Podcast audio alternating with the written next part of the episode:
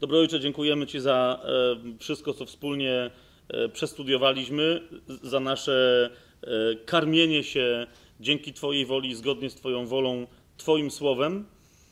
Błogosławimy Cię także za to, co dzisiaj, czego Ty dzisiaj chcesz dokonać w naszych sercach. Natomiast prosimy Cię, tak jak Paweł w pierwszym rozdziale listu do Efezjan, żebyś Ty, który jesteś Ojcem chwały dał nam dzisiaj ducha mądrości i objawienia ku poznaniu Ciebie i Twojego serca. Prosimy Cię, żebyś oświecił oczy naszych serc, abyśmy wiedzieli, jaka jest nadzieja, do której nas powołałeś i jakie jest bogactwo chwały, które jest udziałem nas, świętych, w Twoim dziedzictwie. Amen. Specjalnie e, wziąłem ten fragment e, na, na podstawę tej naszej modlitwy początkowej z listu do Efezjan, ponieważ czasem ludziom, którzy zgłębiają e, Słowo Boże, wydawałoby się ta piękna modlitwa sprawia problem. Bo zwróćcie uwagę, e, że Paweł e, tutaj prosi Ojca o ducha mądrości i objawienia ku poznaniu Boga tak, ku poznaniu y, Jego, Pana naszego Jezusa Chrystusa, Ojca i Ducha. Y, I niektórzy mówią, jak, jak, oczywiście, że cały czas mamy prosić o Ducha i on, on nas ma prowadzić, i dobrze, ale jak to? Przecież jak ktoś jest narodzony na nowo, to w jakim sensie, y, w jakim sensie jeszcze potrzebuje jakiegoś większego poznania? Przecież to poznanie mamy. Skoro mamy nowego ducha i nowe serce, tak? Dam wam nowe serce, wezmę serce z kamienia, dam wam serce z ciała, nowego ducha mojego tchnę do waszego wnętrza, to czemu jeszcze ma oświecać oczy naszych serc? Otóż, y, widzicie, czym innym jest otrzymanie nowego ducha i nowego serca, a więc samego centrum swojej osobowości. Serce jest ośrodkiem woli, ośrodkiem głębokiej, prawdziwej Bożej myśli, zwłaszcza kiedy jest odrodzone. E, otrzymanie ducha nowego, wzięcie tego, który w zasadzie w nas jest martwy, a otrzymanie nowego, żywego e, ducha to jest jedno, ale pamiętajcie o tym cały czas, że człowiek to nie jest duch i ciało, czy dusza i ciało, ale człowiek to jest ciało, dusza i duch. Jeżeli otrzymujemy nowe serce, które jest sercem e, zanurzonym w duchu, jeżeli otrzymujemy ducha, to nie zmienia faktu, że jego intuicje i jego absolutnie oczywiste, jasne, całkowite poznanie, zanim do nas dotrze, musi się zmierzyć z wciąż starością naszej duszy i naszego ciała. Tak? I dlatego, wiedząc o tym, że mamy nowego ducha, jednocześnie Paweł cały czas mówi: nawracajcie się nieustannie przez odnawianie swojego umysłu. Chodzi o, o, to, że wierzący nie mają się przestać nawracać. Oczywiście jesteśmy zbawieni od całego naszego zła, więc się nie roz, rozprawiamy w kółko z naszymi grzechami, tylko rozprawiamy się z przyzwyczajeniem do grzeszności, które tkwi w naszej duszy i w naszym e, ciele, oraz potrzebujemy poddawać naszą duszę i nasze ciało pod zarząd ducha. Okay? Dlatego potrzebujemy światła dla całej reszty w nas. Tak? Serce w nas jest czyste, ale oczy tego serca, które patrzą przez e, aspekt psychiczno-somatyczny, emocjonalno-fizyczny, te oczy potrzebują nieustającego oświecenia, żeby ta prawda, która, która w nas jest i która dla naszego ducha jest oczywista, przemieniała całe nasze tutaj obecne jestestwo, zanim jeszcze dojdziemy do powstania e, z martwych i do życia już w ciałach duchowych. Mówię o tym dlatego po pierwsze, bo, bo to jest postawa, to, to nieustanne proszenie o ducha mądrości i objawienia ku poznaniu Boga jest, jest postawą każdego, kto, kto chce studiować Słowo Boże uczciwie. Pamiętacie, jak wielokrotnie yy, zachęcałem do czytania Watchmana Nee, yy, jak studiować Biblię, yy, tej jego książki, to moim argumentem, dlaczego ta książka się różni od wielu innych i jest lepsza, w tym sensie, że się różni na plus od wielu innych, to jest to, że tam Watchman Nee, zanim dochodzi do tego, jak studiować Biblię, Najpierw powielekroć powtarza, kim trzeba być, żeby w ogóle móc studiować Biblię. Tak? Bo studiowanie Słowa Bożego to nie jest tylko kwestia metody, ale kwestia tego, kim się jest. Jeżeli ktoś tylko starym umysłem próbuje studiować Biblię, to się zaplącze, nie będzie wiedział, co tam się dzieje. Natomiast człowiek, który jest odrodzony duchowo, nawet jeżeli czasem ma znaki zapytania, otrzymuje dzięki duchowi mądrości objawienie, które mu daje poznać e, to, co słowo rzeczywiście mówi, przez poznanie słowa e, daje, e, daje mu poznać jeszcze lepiej, jeszcze bliżej Ojca, Jego Syna i ich ducha. To jest, to, to dlatego ten, ten fragment dzisiaj wyjąłem dla nas z Pisma Świętego, żeby o tym sobie przypomnieć, po pierwsze. Po drugie, dlatego że tu e, my jeszcze kiedyś do tego osobno wrócimy, do tego trójpodziału w człowieku. Niemniej dziś dla nas ten trójpodział wobec tematu, który mamy poruszyć, jest niezwykle istotny. Tak więc to, to, była, to była druga przyczyna, dla której warto było tymi słowami się pomodlić. Teraz, zanim pójdę dalej, bo oczywiście dzisiaj będziemy mówić o tym, co się dzieje z człowiekiem po śmierci. Niemniej, zanim pójdę dalej, bo my cały czas, y, to już jest trzecie nasze spotkanie wynikające e, z tego prostego oświadczenia, ale widzicie, jak potężnego Pana Jezusa, który powiedział, że, że Bóg, Bóg Abrahama, Izaaka i Jakuba jest Bogiem żyjących, a nie umarłych. Tak? A zatem i teraz idzie nam o to, żeby, jak już to wcześniej pokazaliśmy, jemu chodziło o to, że, że ci ludzie powstaną z martwych, w co nie wierzyli saduceusze, ale też dziś chcemy iść trochę dalej, mianowicie pokazać, dlaczego możemy uznać, że Jezusowi chodzi także o to, że, że człowiek również i po śmierci jednak żyje. Pytanie, kto, na jakich zasadach, czy się to tyczy wszystkich, tak? Bo w tym jednym stwierdzeniu, czy z tego jednego stwierdzenia, całej jakiejś teologii takiej czy innej, e, zresztą jak na, podstawie żadnego pojedynczego cytatu nikt nie ma prawa budować jakiejś dużej teologii. Zanim jednak tam pójdziemy, ponieważ mówię, e, dziś to jest dwunaste nasze spotkanie, dwunasty odcinek tajemnego planu na YouTubie tych e, publikacji piątkowych i jednocześnie ostatni, który się odnosi bezpośrednio E, do studium księgi, e, pierwszej księgi Mojżeszowej, księgi Bereshit, księgi rodzaju. Otóż my dzisiaj się będziemy zajmować tym, co się dzieje z człowiekiem, czy w ogóle czy się coś dzieje, kto to jest człowiek po śmierci e, fizycznej, tak, takiej jak my ją z tego punktu widzenia, z perspektywy tego świata odbieramy. Ale jeszcze raz chciałbym Was zachęcić do czytania, studiowania księgi Bereshit jako księgi początków. Od początku aż do końca pojawiają się w Biblii bowiem fragmenty, które zakładają jako rzecz oczywistą, że czytelnik zna księgę początków.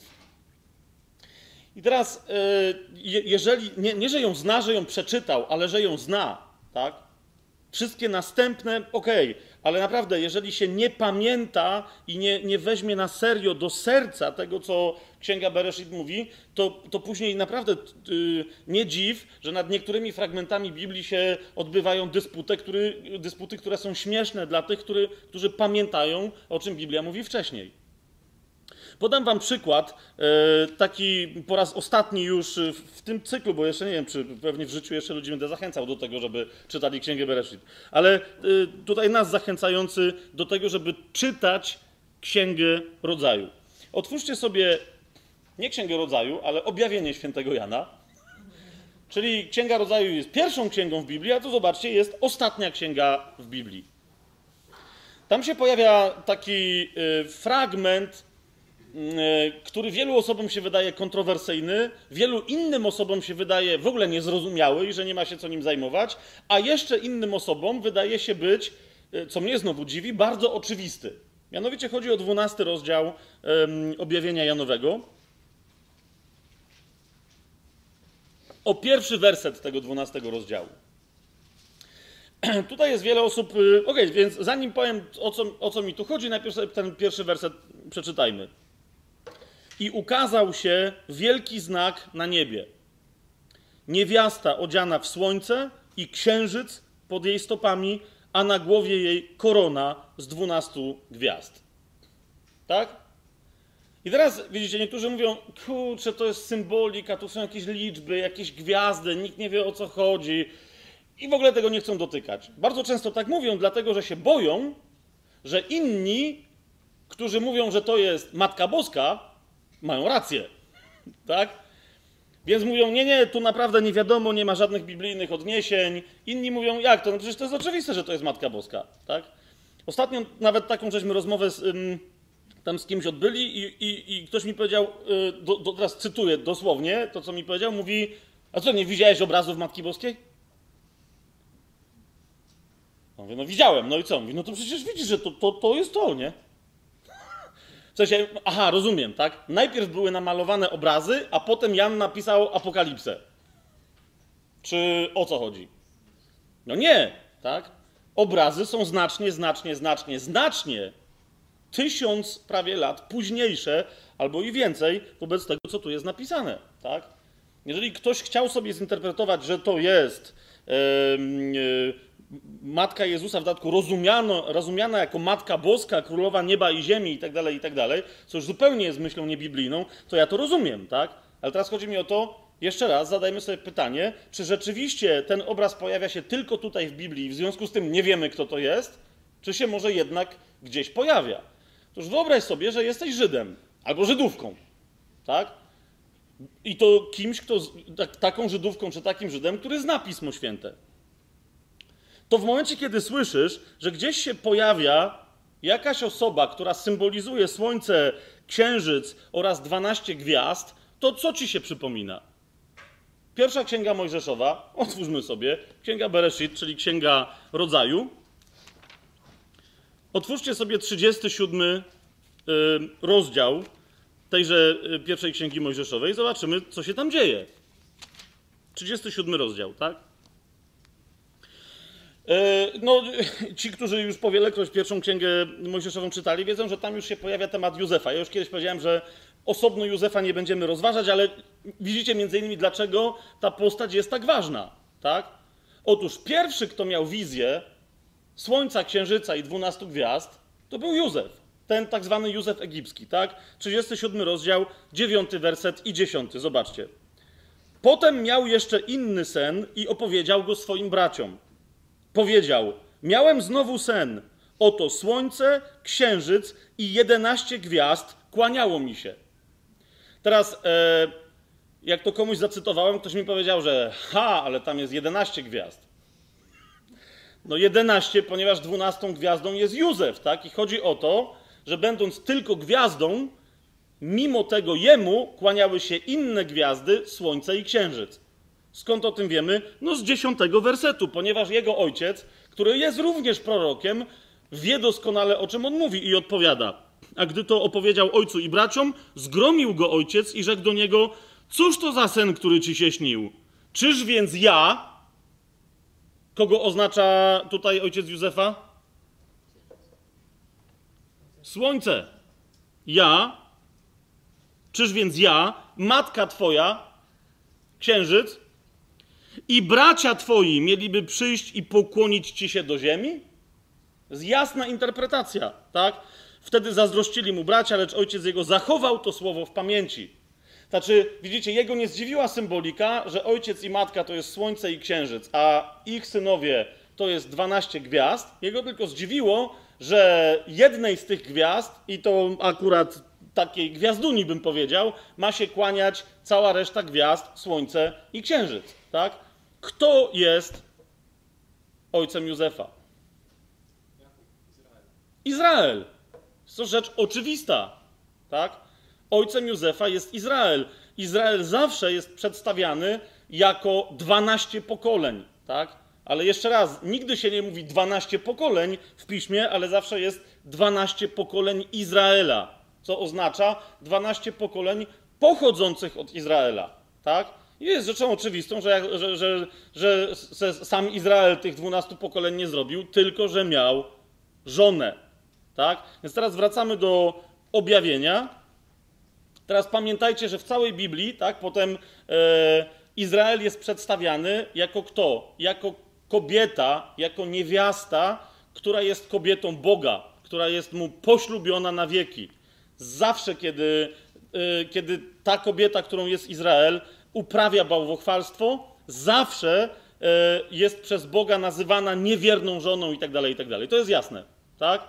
teraz, więc jeżeli jesteś Żydem, który pamięta tamtą wizję Józefa, tak? No bo czyta Słowo Boże i wie o tym, że, że Izrael zawsze jest przedstawiany jako kobieta, to teraz, jeżeli jest powiedziane i ukazał się wielki znak na niebie, 12 rozdział objawienia Janowego, pierwszy werset, niewiasta odziana w słońce, pod jej stopami księżyc, a na głowie jej korona z 12 gwiazd, i macie wiele innych fragmentów, bo teraz wiecie, nie będziemy, nie będziemy dokonywać tego e, całego rozłożenia tego fragmentu, gdzie się mówi o tym e, w Biblii, że synowie są koroną swojego ojca. Ale pa, pamiętacie tego typu określenia, tak?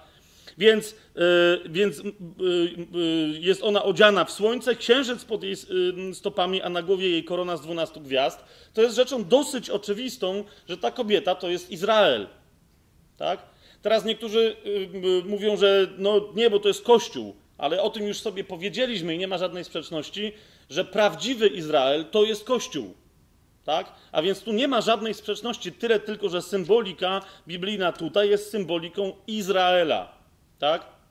Zresztą zwróćcie y, uwagę, co się dzieje. Ta niewiasta, i teraz chodzi o to, że ten znak na niebie nie polega na tym, że się pojawiła ta niewiasta, tylko znakiem jest cała historia tego, co się dzieje y, y, z niewiastą. Jeden znak to jest historia kobiety, a drugi znak to jest, to jest znak rudego smoka. Tak? I tego, co się również z rudym smokiem dzieje. Ale mówię, jak już to wiemy, że to jest Izrael, to y, zwróćcie uwagę y, y, później, tak, że to jest oczywiste, bo oczywiście niektórzy mówią, że no ale tam jest, że porodziła syna chłopczyka. Oczywiście, tak? Chodzi tutaj także o e, matkę Jezusa, tylko że jako tą konkretną kobietę na ziemi, która sprowadziła na e, świat, tak? Urodziła Mesjasza, ale ona nadal jest po prostu córką Izraela w tym wszystkim, tak? I, i tu niczym więcej, tak? Natomiast, że, że tu jeszcze raz, że tu chodzi o całego prawdziwego najpierw Izraela, tak? który potem staje się symbolem, no to wiemy o tym z szóstego wersetu, gdzie jest powiedziane, że uciekła niewiasta na pustynię, gdzie ma miejsce przygotowane przez Boga, aby ją tam żywiono przez 1260 dni, tak? Gdzie się pojawia ta liczba? No, jak czytamy Księgę Objawienia, to oczywiście w 11 rozdziale, gdzie jest wyraźnie powiedziane, powiedziane że zewnętrzny, 11 rozdział, drugi werset objawienia, tak? że zewnętrzny przedsionek świątyni będzie, ma być wyłączony, ma być niemierzony, ponieważ on został oddany poganom, którzy tratować będą święte miasto, czyli Jerozolimę, przez 42 miesiące. To jest ile? 1260 dni. Tak? I teraz yy, wtedy też pojawi się dwóch świadków i dam dwom moim świadkom moc i będą odziani w wory, prorokowali będą przez 1260 dni, czyli wtedy, kiedy poganie będą deptać Jerozolimę. Tak? Teraz, skoro już wiemy, że, że Jerozolima będzie deptana przez pogan przez 1260 dni, czyli 42 miesiące, tak? To, to jest pytanie, jaki to ma związek z tą niewiastą. Otóż mamy przynajmniej parę fragmentów w Starym Przymierzu, które zapowiadają, że kiedy poganie będą bezcześcić świątynię, reszta Izraela zostanie uratowana w Moabie, czyli na pustyni, czyli yy, najprawdopodobniej chodzi o dzisiejszą Jordanię, tak? I że tam, mimo że to będzie pustynia, znajdą schronienie na ten czas, kiedy poganie będą deptać yy, Jerozolimę. Widzicie tutaj jasne, yy, jasne powiązanie? Y, więc cudowanie później, że to jest to czy tamto i ktoś sobie obraz namaluje, ja to rozumiem, tak? Ale jeszcze raz, jak czytamy Biblię od początku, to między innymi dlatego, że im bliżej końca jesteśmy, tym lepiej koniec rozumiemy dzięki początkowi. Jasne to jest? Czytamy Księgę Rodzaju, ok? Bo to, co w niej jest opowiedziane, y, jest wykorzystane aż do końca, y, do ostatniej księgi do ostatniej księgi Biblii. To jakieś pytanie jest a propos tego? Ok. Zatem, list do Hebrajczyków sobie otwórzmy. Jak już zachęciłem Was do tego, żeby żeby czytać Księgę Rodzaju. Teraz się odniesiemy do głównego tematu naszego dzisiejszego spotkania, czyli co się dzieje z człowiekiem po śmierci. O tych rzeczach ostatecznych, czyli kiedy już zmartwychwstaniemy, o sądach, już żeśmy sobie sporo powiedzieli dwa spotkania temu. Na ostatnim dojaśniliśmy sobie, myślę, dosyć skrzętnie i uczciwie temat królestwa, które nadchodzi. Tak? I tu już myślę, że kto, kto ten temat e, na podstawie te, chociażby tego, cośmy ostatnio mówili, zgłębił, e, ma kwestię rozjaśnioną. Ale wciąż pozostaje pytanie, co z człowiekiem dzieje się po śmierci, jeżeli jeszcze Pan Jezus nie powrócił. Tak? Czyli na przykład załóżmy, że ja umrę dzisiaj, to teraz co się ze mną dzieje? Czy coś się w ogóle ze mną dzieje? Czy wskrzeszenie moje jest jakby w ogóle stworzeniem mnie na nowo? Czy ja gdzieś idę po śmierci? Oczywiście, widzicie, y, ja bym w ogóle tego tematu za specjalnie nie poruszał, bo po pierwsze, Biblia wydaje się jakby specjalnie trochę niejasno na ten temat mówiła, chociaż wystarczająco jasno. Po drugie, to mój Boże, no jeżeli jesteś osobą zbawioną, to jest najistotniejsze, a zbawienie, jak to sobie o tym już wielokrotnie to mówiliśmy, jest Twoją sprawą do załatwienia tu i teraz, a nie jak umrzesz, bo po śmierci, jak mówili do Hebrajczyków, no właśnie, zaraz przypomnę, co mówili do Hebrajczyków. Więc y, co nam się przejmować, tak? To niezależnie od tego, jak licząc w porównaniu z wiecznością, która nadciąga, czy chociażby tysiącletnim królestwem, prawdopodobnie to nasze oczekiwanie na, na wskrzeszenie y, do tysiącletniego królestwa nie będzie zbyt długie. To co się tam będziemy przejmować? Czy wtedy śpimy, czy coś robimy, czy coś tam.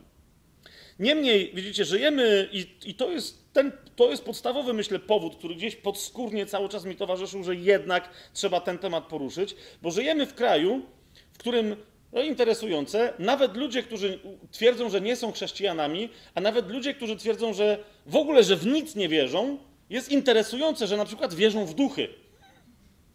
Tak?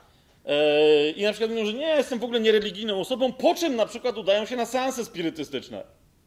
No to pytam wtedy, no zaraz, ale to znaczy, że to co, co że tam przywołujecie? Oczywiście pomijam idiotów, którzy twierdzą, że to jest tylko jakaś tam fajna zabawa, tak? No albo sobie trzeba było wyjaśnić, ej, ale zaraz, no bez przesady, tak? Znaczy, jaka to jest zabawa?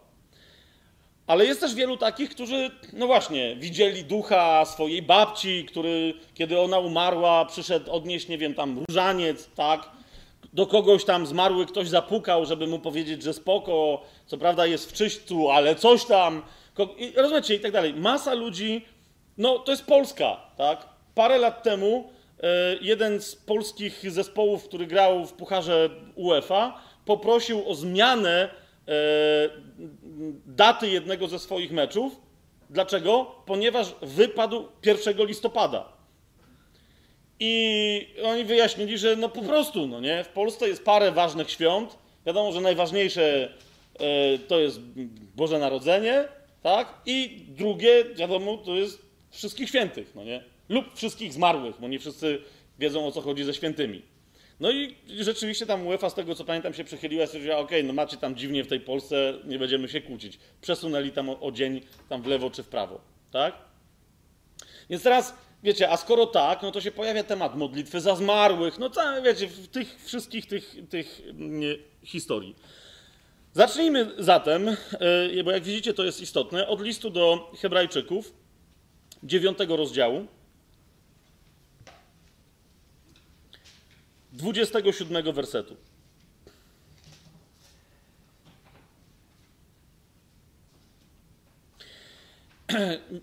Tam mamy przede wszystkim e, no, prawdę podstawową. To jest kolejna rzecz, która mnie zadziwia, że wciąż jeszcze są ludzie twierdzący, że są chrześcijanami i jednocześnie e, głoszący tu i ówdzie, że to nie jest sprzeczne z wiarą w reinkarnację. No, to, to, znaczy, że no właśnie, no im, im, bardziej ktoś coś takiego łączy, to znaczy, że w ogóle Biblii chyba w ręce nie miał i nawet jej nie powąchał, a co dopiero czytał, tak? Ale naprawdę, bo nie będziemy teraz w ogóle tego tematu rozważać, tak? Tylko po prostu ten temat jest w paru miejscach Biblii bardzo jasno y, rozważony, a y, ta jasność wielu fragmentów Biblii się wyraża w tym zdaniu zawartym w liście do Hebrajczyków w 9 rozdziale, 27 werse, wersecie. Postanowione jest ludziom raz umrzeć, a potem sąd. To jest jasne stwierdzenie. Tak? Jeszcze raz mówię, jest więcej tego rodzaju jasnych stwierdzeń. W Biblii my dzisiaj też sobie parę z nich przywołamy, tylko w nieco innym kontekście, ale tyle. Jak kogoś spotkacie, kto twierdzi, że. Rein... Ja już pomijam, że reinkarnacja sama z siebie zawiera mnóstwo logicznych błędów, tak?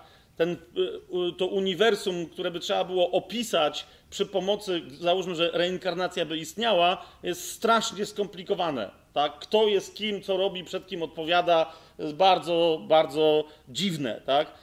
E, znacznie logiczniejsze jest po prostu to, jak, jak mówi Biblia, i to jest też prawda, że człowiekowi, ludziom postanowione jest raz umrzeć, a potem sąd.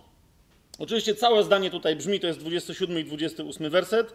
A jak postanowione jest ludziom raz umrzeć, a potem sąd, taki Chrystus, raz ofiarowany, aby zgładzić grzechy wielu, drugi raz ukaże się nie z powodu grzechu, ale ku zbawieniu tym, którzy go oczekują.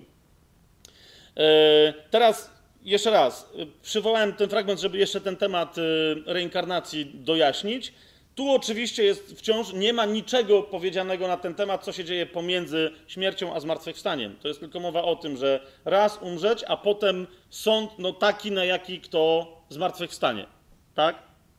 Co się dzieje pomiędzy śmiercią a powstaniem na któryś z tych sądów? Czy to do życia w królestwie i, i w ogóle do życia, czy e, na sąd y, uczynkowy, jak go sobie tutaj nazwaliśmy.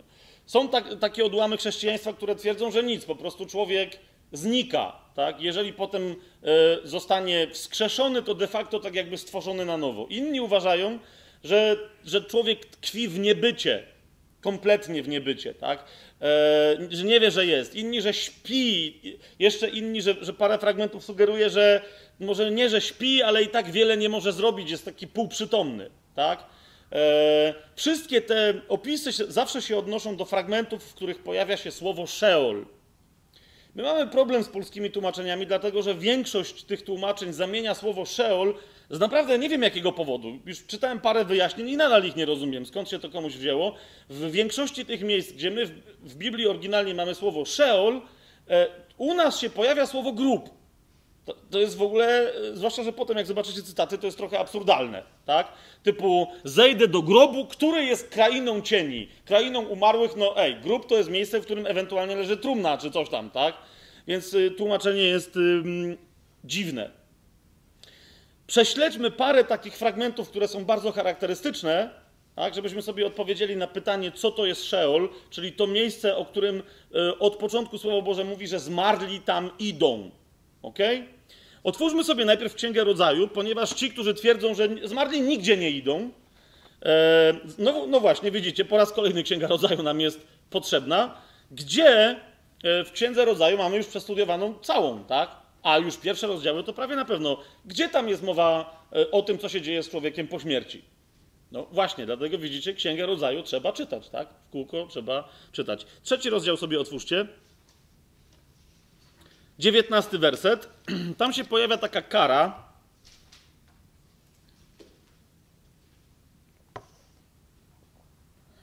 Znaczy, w ogóle y, to Boże przekleństwo, tak? Po tym, jak ludzie jednak zrywają owoc y, z drzewa poznania dobra i zła. A więc trzeci rozdział, dziewiętnasty werset. Bóg mówi do Adama: W pocie oblicza Twojego będziesz jadł chleb, aż wrócisz do ziemi, z której zostałeś wzięty, bo prochem jesteś i w proch się obrócisz. I wszyscy mówią, kropka, tak?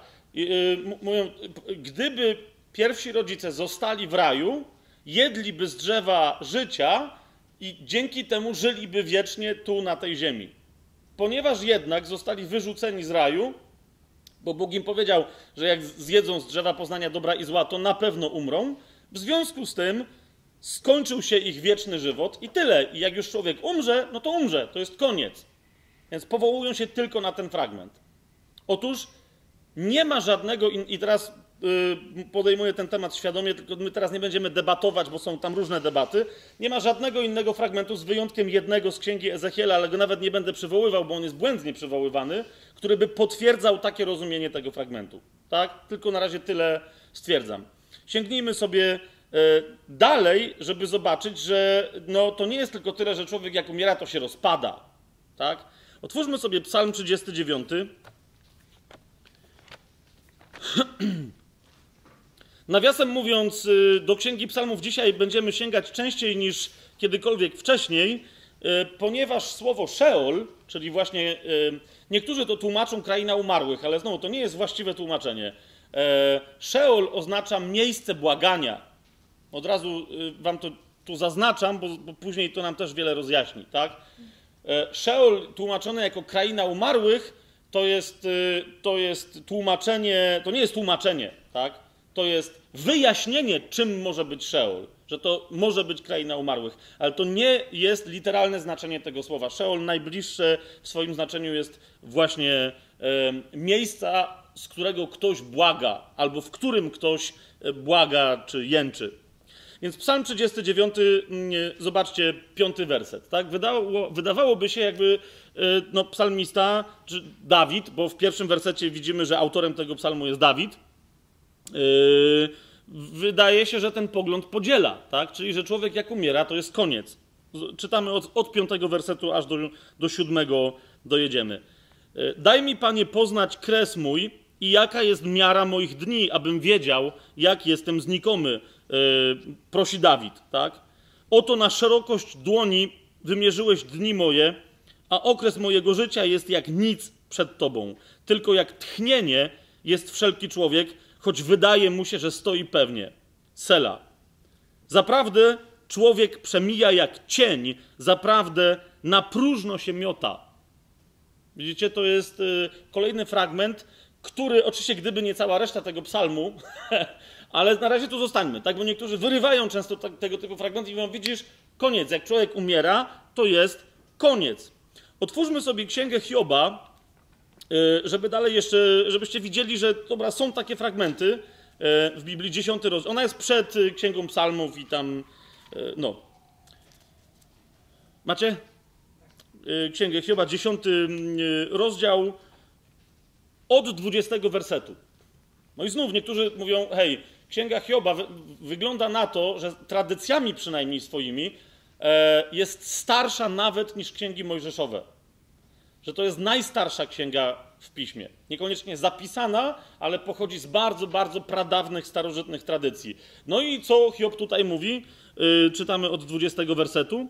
Yy, nawiasem mówiąc, zauważcie, że już to, co teraz przeczytamy, wyraźnie pokazuje, że Hiob może, zdaje się, sugerować, jakby śmierć to, była, to był koniec, ale wyraźnie mówi o jakimś miejscu, nie że się rozpadnie i to będzie w ogóle koniec, tylko że gdzieś się przeniesie. Zobaczcie, co mówi to jest y, dziesiąty rozdział od 20 wersetu Hioba.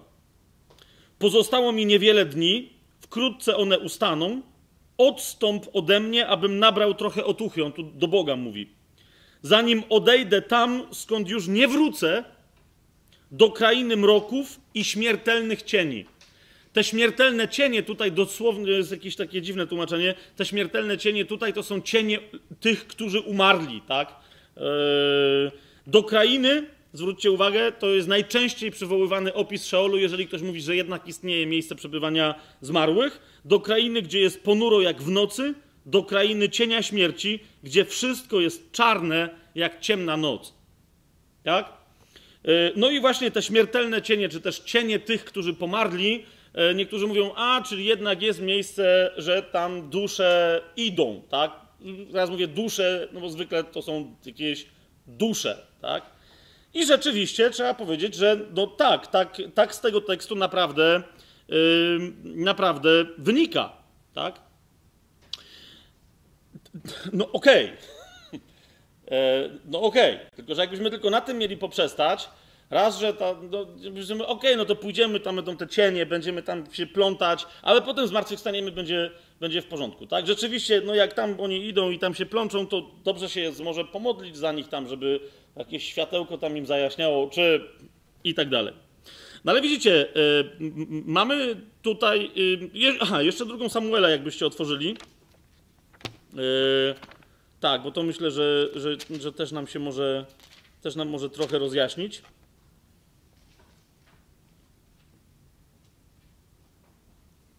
Bo niektórzy wtedy odpowiadają całkiem słusznie, że nie. Myśmy już ostatnio zresztą e, dwa spotkania temu mówili. Nie, nie. W Starym Przymierzu istniała jasna, klarowna świadomość tego, że ludzie będą zmartwychwstawać, tak?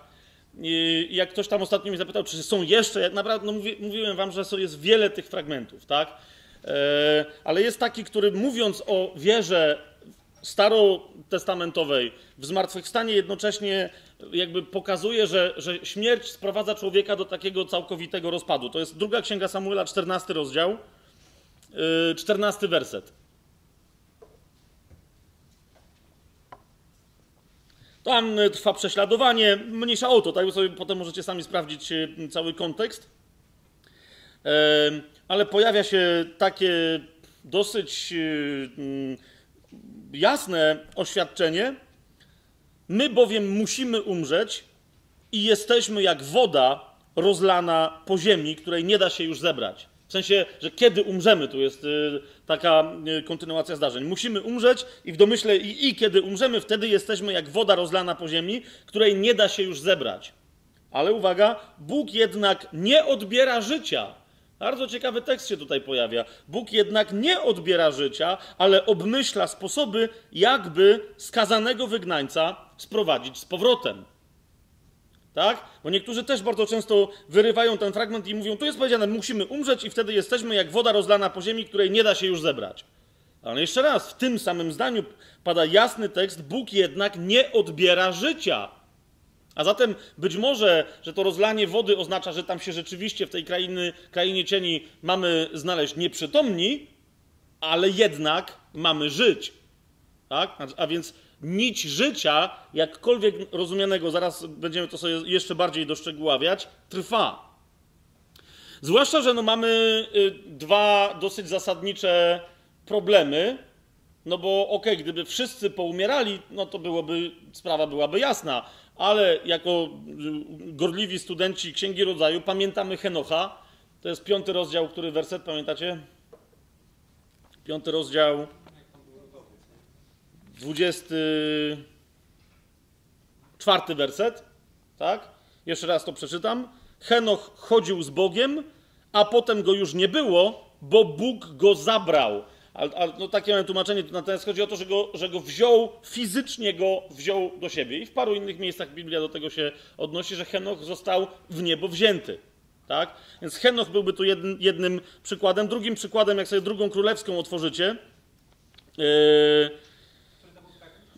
5.24. Yy, Księgi Rodzaju. Natomiast yy, drugą królewską, jak sobie otworzycie, yy, no to tam yy, druga królewska to jest zaraz na początku. Yy, drugi rozdział. To, yy, o, tu, tu, nawet jest bardzo ładnie cały fragment nazwany w Brytyjce w niebo wzięcie Eliasza. Okay? Więc y, drugi rozdział, ale to jedenasty werset, mówiąc y, konkretniej, Eliasz tam z Elizeuszem sobie idą, jest powiedziane, a gdy oni szli dalej, wciąż rozmawiając, oto rydwan ognisty i konie ogniste oddzieliły ich od siebie i Eliasz wśród burzy został wzięty do nieba. W niektórych tłumaczeniach będzie też powiedziane, że wstąpił e, do nieba. No, ale okej, okay, tak czy siak, widać wyraźnie, że mamy no, dwóch zawodników, o których Pismo Święte świadczy wyraźnie, że nie umarli, a gdzieś zostali przeniesieni, bo nie ma też ich wśród żywych. Tak? Pytanie brzmi, bo tutaj się pojawia naprawdę już duże pytanie, czy ten Szeol to jest jedno miejsce, no bo, jeżeli, no, no bo ewidentnie taki Eliasz, wiecie, który, który wyraźnie w ciele jest gdzieś prze, podnoszony i przenoszony, trochę nie pasuje do opisu śmiertelnego cienia, który będzie się gdzieś tam snuł po Szeolu. Zgoda, tak? Więc otwórzmy sobie, żeby jeszcze y, troszeczkę się podenerwować nad tym tematem, bo to jest, mówię, wśród tych, którzy tam mówią, że nie ma naprawdę, Biblia, zwłaszcza Stary Testament, nie wie, co się dzieje, jest parę takich fragmentów, które aż mnie zdumiewa, że, że nigdy się do nich nie odnoszą. Na przykład księgę y, Kaznodziei sobie otwórzcie Salomonowego, czyli Koheleta. Trzeci rozdział. I będziemy czytać od dziesiątego wersetu, tak? Jesz jeszcze raz, nawet jeżeli to jest tylko tłumaczenie, to, ale to jest, one są tu w, w, w, miarę dobre, to zobaczcie, czy rzeczywiście tak jest, że tutaj kochelet, i to jeszcze to jest ten kochelet, wiecie, marność nad marnościami i wszystko marność. Ja już wielokrotnie taką tezę wiele lat temu e, podejmowałem i ją wyjaśniałem, że według mnie e, ta księga, właśnie ze względu na tą marność nad marnościami i wszystko marność, jest najzabawniejszą księgą w Biblii, tak? a nie najsmutniejszą. Jest jedną z najbardziej ironicznych, sarkastycznych, e, e, pełną genialnych puent, fantastycznej poezji, pełną życia. Tak? Między innymi właśnie dlatego, że ten facet bardzo wyraźnie mówi, że śmierć nie kończy życia człowieka. Mówi to, i, i to nie tylko, że nie kończy, tak, ale, ale wręcz zaznacza pewną jakość, o której zdawałoby się, że, że została dla nas utracona wraz z wyrzuceniem z raju. Zobaczcie, trzeci rozdział od dziesiątego wersetu. Mówi y, tu kaznodzieja Salomonowy w ten sposób. Widziałem żmudne zadania, które Bóg zadał ludziom, aby się nimi trudzili. Wszystko pięknie uczynił w swoim czasie. Uwaga, nawet wieczność włożył w ich serca. Jakie macie wy tam y, tłumaczenia? Ale nie, wcześniej. Wszystko pięknie uczynił w swoim czasie. Dał im nawet wyobrażenie o dziełach świata. Y, no okej, okay. czyli, czyli ktoś wam powycinał frag fragmenty tekstu. Owszem, i żądłość świata dał do serca. Co takiego? Żądłość świata, także mówię, że Gdańska. No dlatego właśnie. y, Więc y, jeszcze tak naprawdę to jest, to jest dość dobre tłumaczenie. Wszystko pięknie uczynił w swoim czasie, nawet wieczność włożył w ich serca, a jednak człowiek nie może pojąć dzieła, którego dokonał Bóg od początku świata do końca. Poznałem więc, że dla ludzi nie ma nic lepszego, jak tylko radować się i używać, póki żyją. W sensie tutaj na ziemi. Dlaczego? Bo to jest najlepsze podejście do tej wieczności, która przed nami. Tak? To jest dokładnie e, takie logiczne zawiązanie tego tekstu.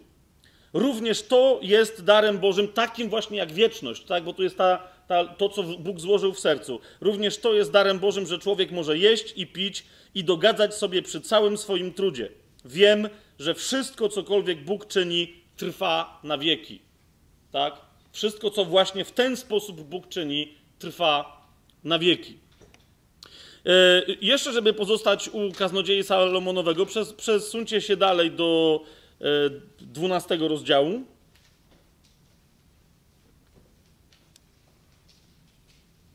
Widzicie, bo, bo, bo dlaczego? Dla, bo tak jakby tego było mało. O, od początku widzicie, to jest taki rozdział, w którym, e, który się zaczyna od tej rady.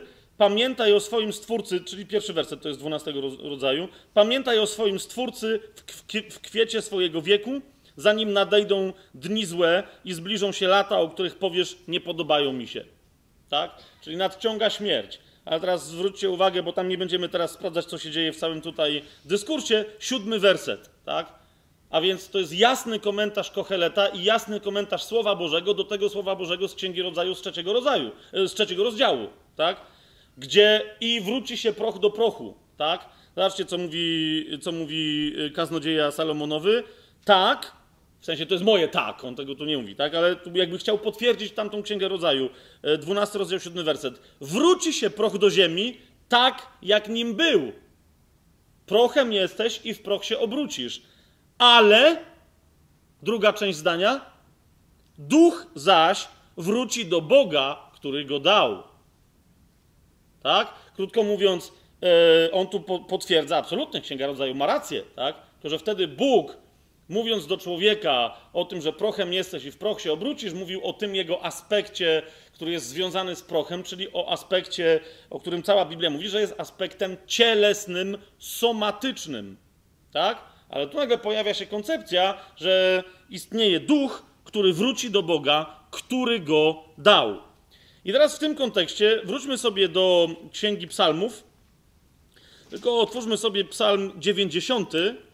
Bo tu nam się historia zaczyna rozwijać, jak widzicie. Coś, e, coś tu nie gra, tak?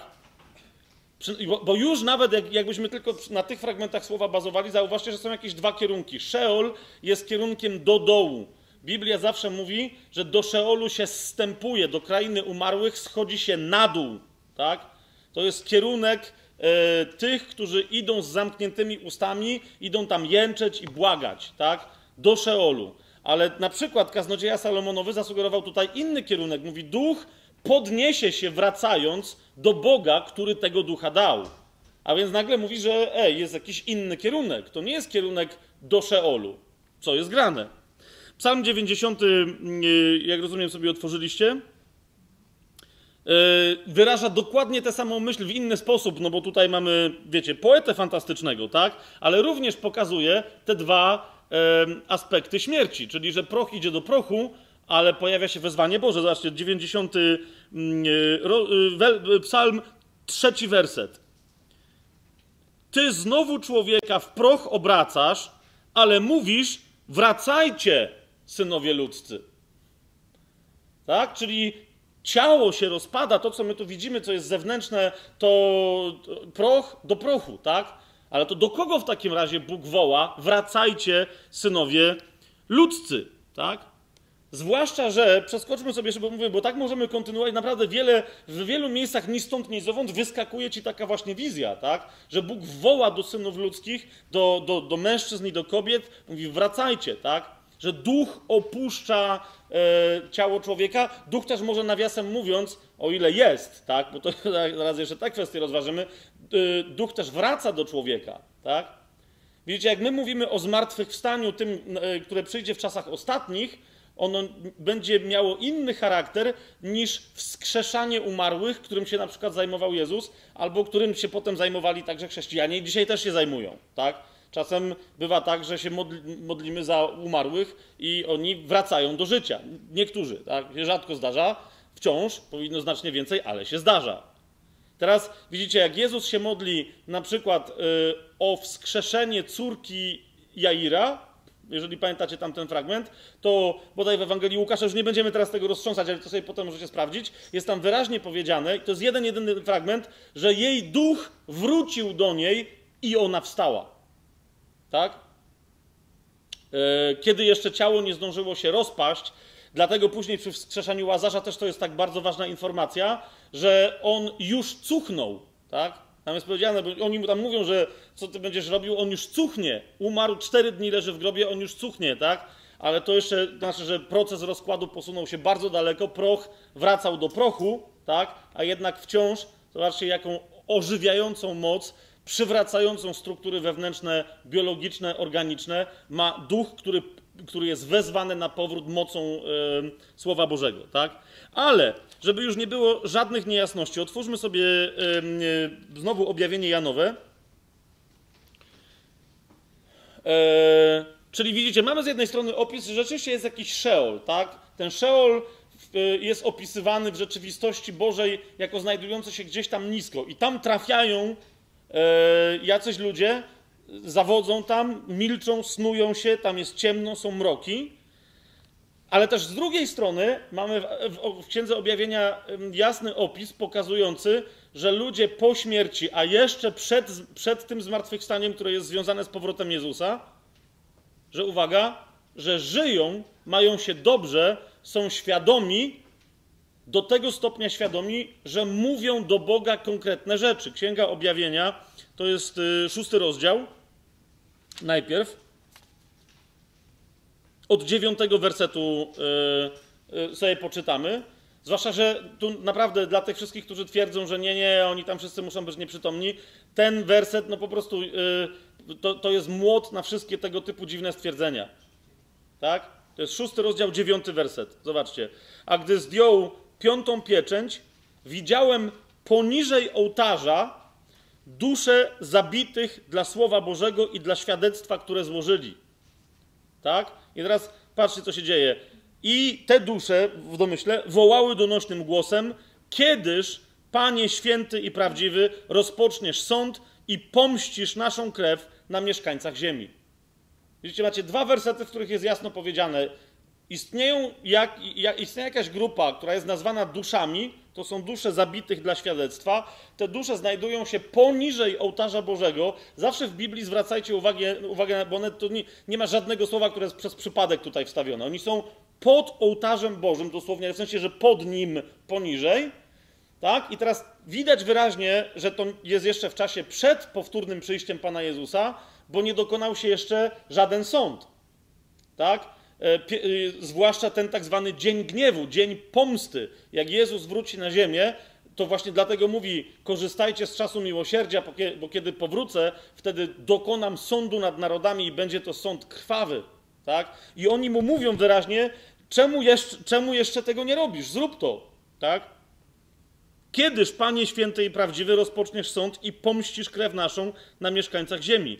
I dano każdemu z nich szatę białą i powiedziano im, aby jeszcze odpoczęli przez krótki czas, aż się dopełni liczba współsług i braci ich, którzy mieli podobnie jak oni ponieść śmierć. Wręcz y, niektórzy uważają, że tutaj chodzi o tych świętych z czasów tak zwanego wielkiego ucisku. Tak? Y, Ostatnio Norbert y, ten, ten temat poruszał już w pytaniach po, y, y, po na- naszym ostatnim wykładzie.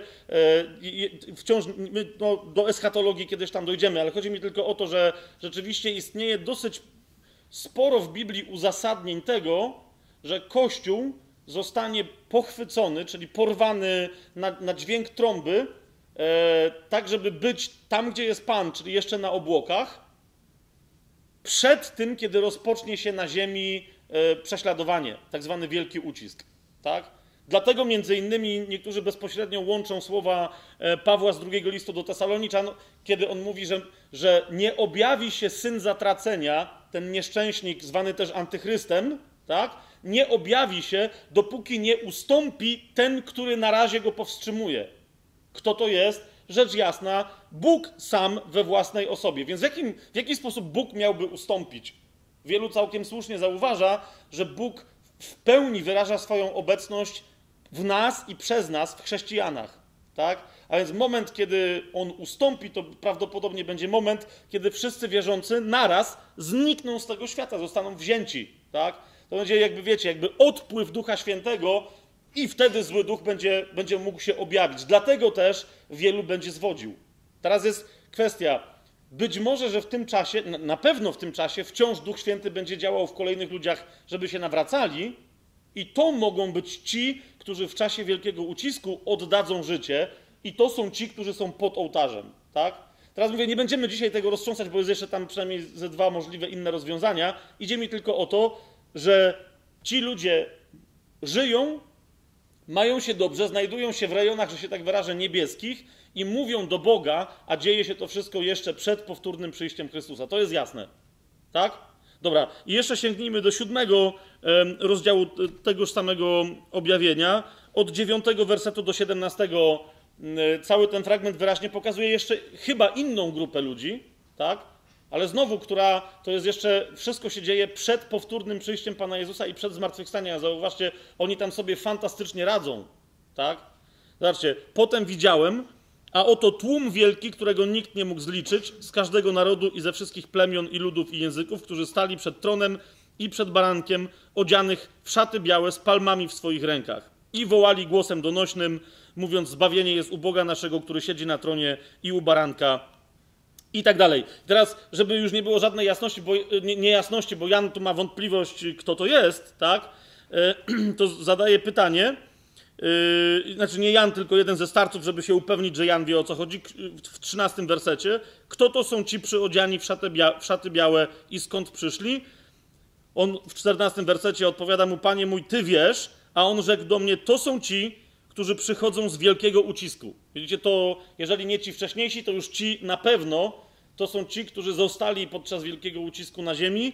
E, No i wtedy e, też oddali e, życie na świadectwo Chrystusowi. Tak? To są ci, którzy przychodzą z wielkiego ucisku i wyprali szaty swoje i wybielili je we krwi baranka. Dlatego są przed tronem Bożym i służą mu we dnie i w nocy w świątyni Jego a ten, który siedzi na tronie, osłoni ich obecnością swoją. I niektórzy powiadają, no fajnie, ale to już jest być może taka wizja tego, co będzie, kiedy już wszyscy będą zjednoczeni w niebie, albo być może już nawet tego, co, że, tak, taki przebłysk królestwa tutaj na ziemi.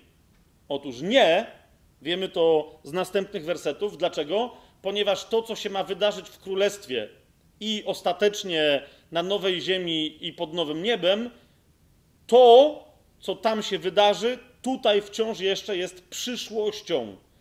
Zwróćcie uwagę.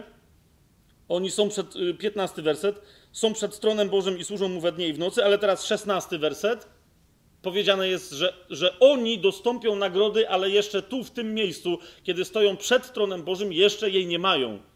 Zobaczcie, oni, czas przyszły, nie będą już łaknąć, ani to po grecku widać wyraźniej, tak, że to jest przed nimi, że, że, że to ich czeka, że nie będą już łaknąć ani pragnąć i nie padnie na nich słońce ani żaden upał, ponieważ baranek, który jest pośród tronu, będzie ich pasł i poprowadzi ich do źródeł żywych wód i otrze Bóg wszelką łzę z ich oczu. Ale to dopiero się wydarzy, co później w objawieniu, jak pamiętacie, jest, y, jest pokazane jako, jako wizja, kiedy już to się dzieje, to między innymi oni też tego dostąpią, tak?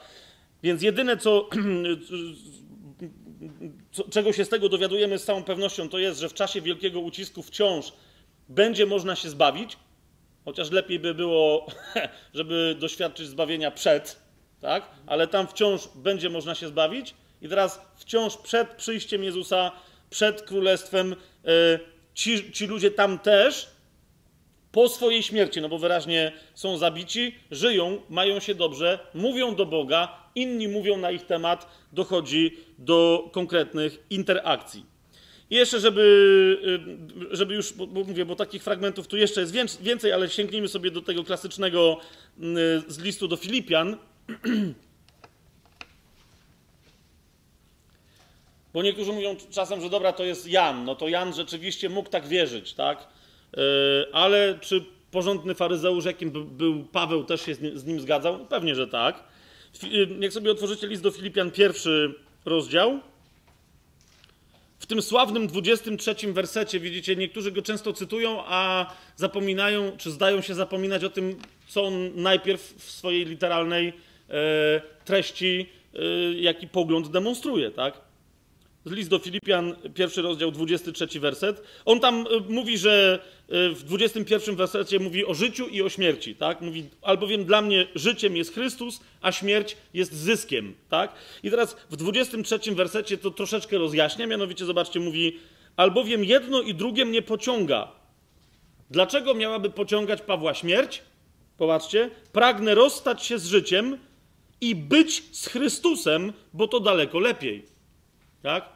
Po grecku tu, tu nie ma znów żadnych wątpliwości, po polsku się jeszcze można bawić w jakieś rozbicia. Po grecku tu nie ma żadnych wątpliwości, że chodzi o przebywanie z kimś na zasadzie żywej, bezpośredniej relacji, życie z kimś drugim, tak? Że w tym sensie to jest dobre. I Paweł mówi wyraźnie, jak umrę, będę natychmiast z Chrystusem. Nie będę czekać do kiedyś tam zmartwychwstania w jakiejś nieświadomości.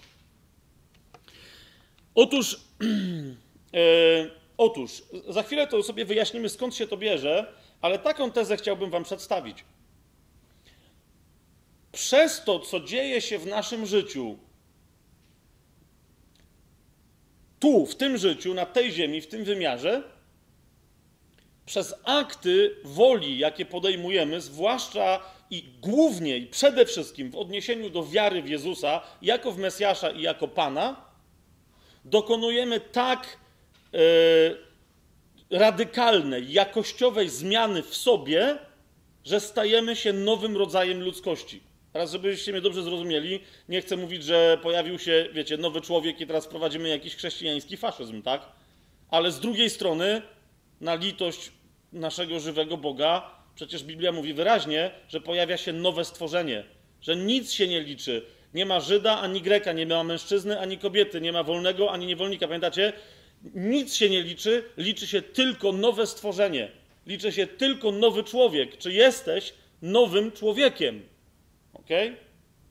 Otóż stawiam taką tezę, że, że także stary, stare przymierze doskonale wiedziało o tym, że śmierć jest, jest pierwszym testem, zanim się cokolwiek w ogóle wydarzy, jest pierwszym testem, jakim człowiekiem jesteś. Nowy człowiek mówiąc tym językiem biblijnym symbolicznie, tak, idzie do góry, ten, kto oparł się i nie stał się nowym człowiekiem, idzie w dół. Tak?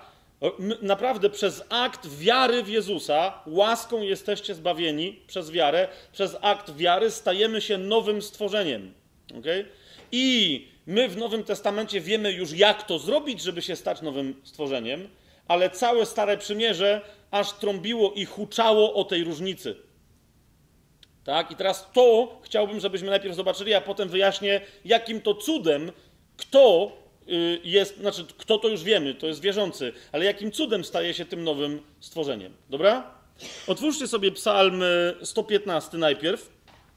Jak powiedziałem, w psalmach jest najwięcej Szeolu, więc tam też jest najwięcej tego rodzaju odniesień.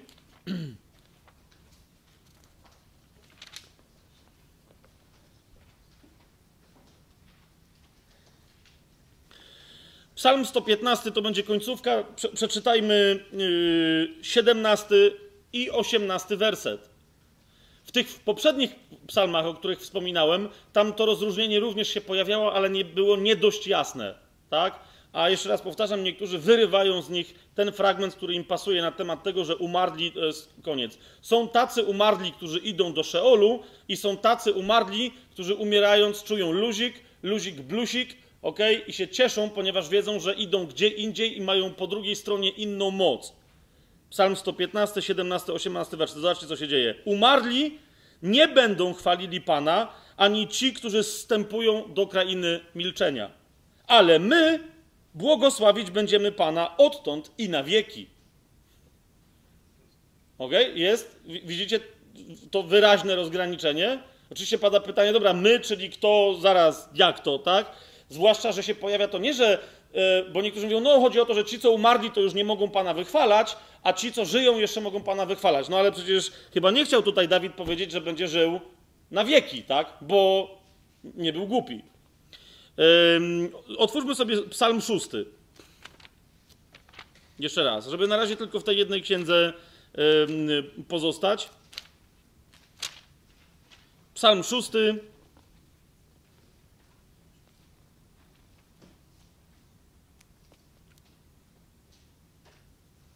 Werset 6. A nawet, a nawet jeszcze zwróćcie uwagę wcześniej, widzicie, każde tego rodzaju wezwania w psalmach, o, o, które niektórzy powtarzają jakoś tak machinalnie, są wołaniami o to, bo tu Dawid nie wie, co ma zrobić, tak? Ale są wołaniami o to, żeby był zachowany od Szeolu po śmierci. Tak? I zwróćcie uwagę, jaką ma genialną intuicję, że to zawsze polega na błaganiu Boga o przebaczenie grzechu. My, my, mamy pewność w Chrystusie, który dokonał tego dzieła, tak? Że mocą Jego śmierci, Jego zmartwychwstania, wiary w to dzieło, doświadczamy obmycia w krwi Chrystusa, tak? Ale ta intuicja prorokom towarzyszyła od początku. Zobaczcie, co się dzieje. Psalm 6, powiedzmy, piąty werset, tak? Odwróć się, Panie, ratuj duszę moją, zbaw mnie przez łaskę swoją. Zobaczcie, co się dzieje. Jak, jak chłop prorokuje bo po śmierci nie pamięta się o tobie, a w krainie umarłych któż cię będzie wysławiać? Okej? Okay? To, to, to, jest to. I, I, teraz niektórzy mówią, no, czyli, że nie, to jemu naprawdę, zaraz sobie jeszcze, jasno, jeszcze jaśniej to zobaczymy. Wszędzie jemu tutaj chodzi, Panie, zbaw mnie tak, żebym po śmierci nie został ogłuszony. Zbaw mnie tak, żebym po śmierci nie oniemiał, ale żebym znalazł się w innym miejscu niż Szeol i w innym stanie, żebym mógł Cię chwalić. Psalm 30 sobie otwórzcie. Yy, dziesiąty werset. Do, I aż do końca, tak? Zobaczcie, znowu, jak wiele fragmentów w psalmach się staje jasnym, kiedy wiemy o tych dwóch perspektywach pośmiertnych, tak? Zobaczcie, od 10, psalm 30 od 10 wersetu. Jakiż zysk z krwi mojej, z mojego zejścia do grobu? Czy proch może Cię, Boże, wysławiać? Czy może zwiastować Twoją wierność? Wysłuchaj, Panie, i zmiłuj się nade mną. Panie, bądź moim wspomożycielem. Zmieniłeś skargę moją w taniec, rozwiązałeś mój wór pokutny i przepasałeś mnie radością, aby dusza moja śpiewała Ci i nie zamilkła. Panie Boże mój, będę Cię wysławiał wiecznie.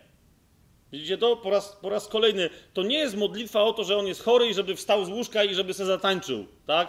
To jest modlitwa o to, że jak się położy w prochu śmierci, tak, to żeby jego duch, jak to kaznodzieja Salomonowy nam wcześniej powiedział, żeby został wezwany do Pana, tak? I teraz już dla naprawdę pełnej jasności na chwilę wyskoczmy sobie trochę dalej do proroka Izajasza, do 38 rozdziału. Zobaczcie, co się tutaj dzieje.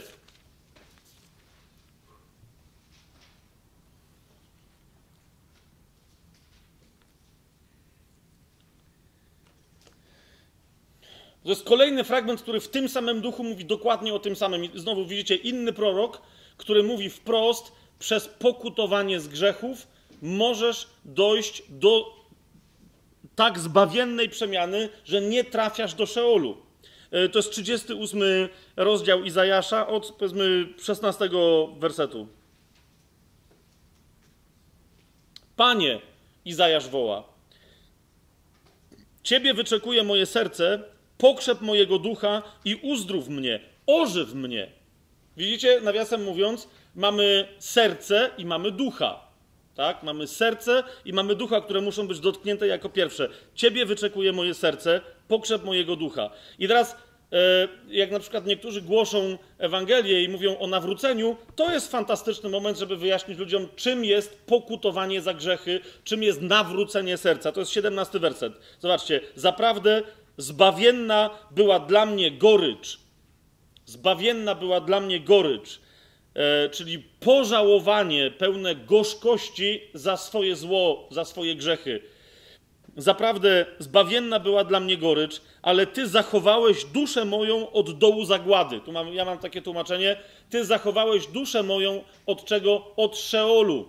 Tutaj mamy powiedziane, tak? Zachowałeś duszę moją od Szeolu, gdyż poza siebie rzuciłeś wszystkie moje grzechy. Widzicie o, o, co chodzi? ponieważ grzechy moje zostały rzucone poza twój, e, Twoje widzenie, za, przestałeś na nie patrzeć, to powoduje, że nie idę w dół, ale mogę być wezwany do góry. Żeby jeszcze to jaśniej y, y, przedstawić, y, Izajasz pisze w 18 wersecie y, i w 19 fantastycznie: Nie w krainie umarłych, bowiem Cię wysławiają. Nie w krainie umarłych, bowiem Cię wysławiają. Nie chwali Ciebie śmierć, nie oczekują Twojej wierności ci, którzy zstępują do Szeolu. Widzicie o co idzie? A, ale kto wobec tego może wysławiać Pana? 19 werset. Żywy! Tylko żywy wysławia Ciebie, jak ja dzisiaj. W taki sam sposób o to chodzi. I o tym objawienie mówi, tak? Zauważcie, ci, którzy są pod tronem Bożym, przed tronem Bożym, oni wysławiają Boga, wysławiają Ojca, wysławiają Baranka. Ci, którzy są w Szeolu, nie zajmują się e, wysławianiem. I jak już to, no, widzicie, że też się pojawia w innych miejscach i tutaj jest dosyć wyraźnie pokazane do Księgi Psalmów, sobie wróćmy do 103 psalmu. 103 psalm.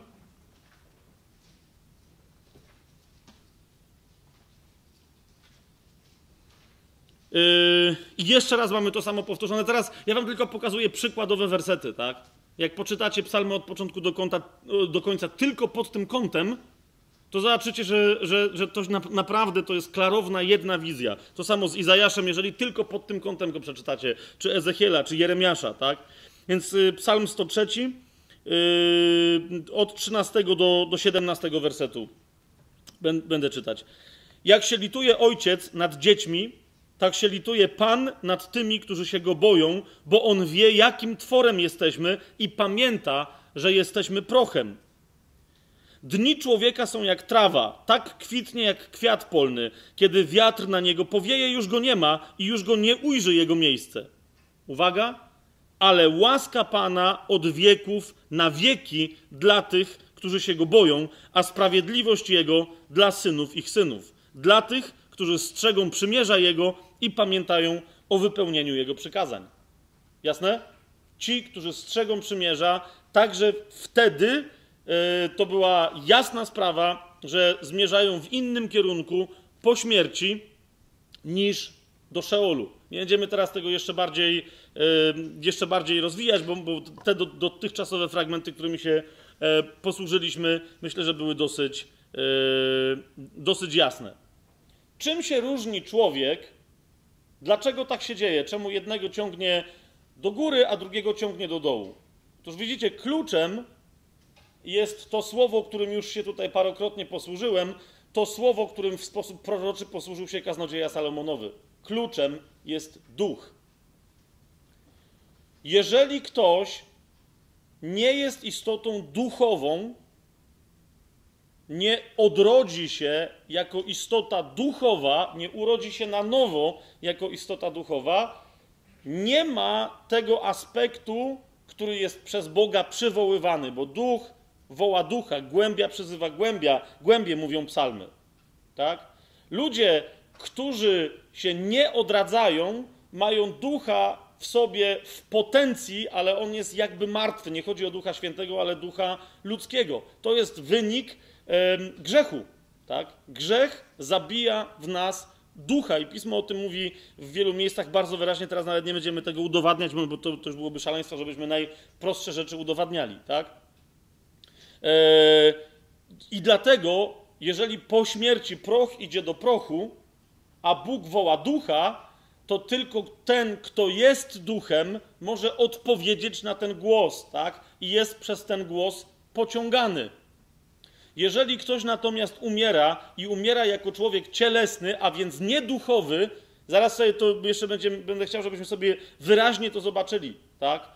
Jak, jak, jak Biblia rozróżnia ludzi pneumatycznych od ludzi psychicznych, tak? Czyli ludzi duchowych od ludzi zmysłowych, tak? Czy cielesnych. I teraz widzicie, psychik e, biblijny to jest człowiek cielesny? To jest właśnie ten, który ma duszę, ale nie ma żyjącego ducha. Najpierw, e, żeby przypomnieć e, o tej oczywistości, otwórzmy sobie Ewangelię Janową.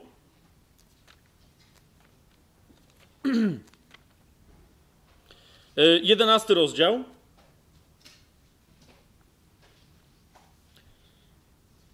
Bo poza wszystkimi innymi rzeczami, zwróćcie uwagę, Jezus jest zawsze w swoich, w swoich wypowiedziach bardzo konkretny, a więc mówi o rzeczywistości.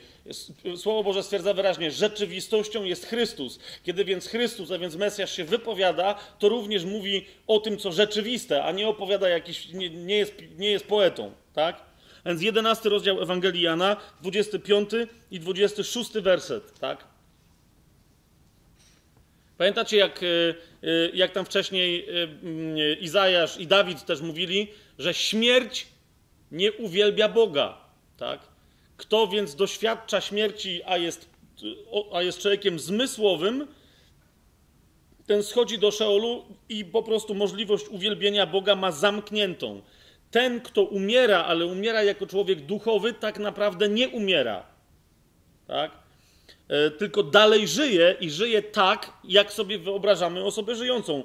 E, 11 rozdział Ewangelii Jana, 25-26 werset. Rzekł jej Jezus, jam jest zmartwychwstanie i żywot. Kto we mnie wierzy, chociażby i umarł, żyć będzie.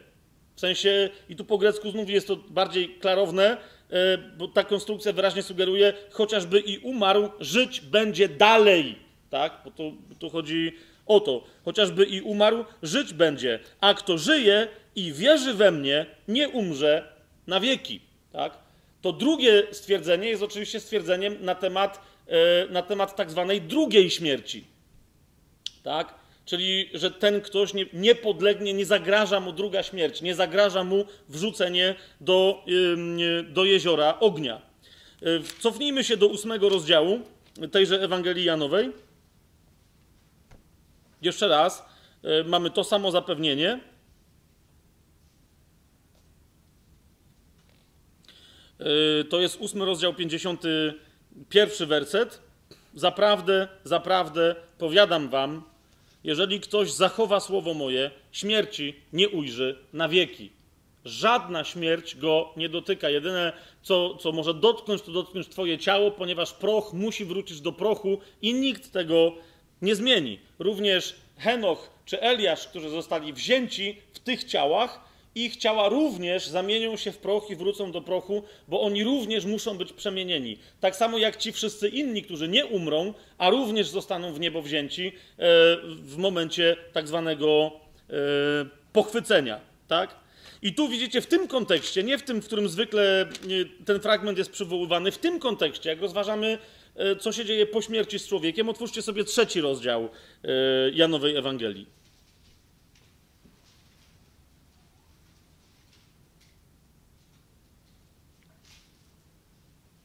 Tak? Od piątego wersetu do dwunastego yy, przeczytajmy.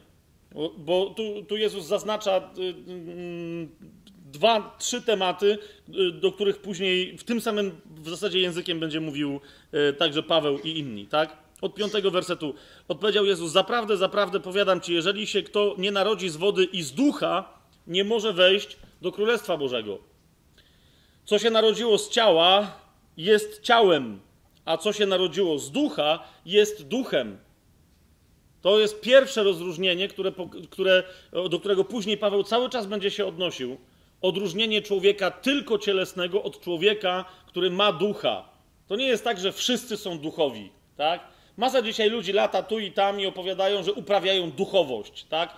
Może, ale dziwnym jest, jak ktoś uprawia duchowość bez ducha, tak? To jest tak, jak ci, co ćwiczą karate, tylko nigdy na treningu nie byli, no nie?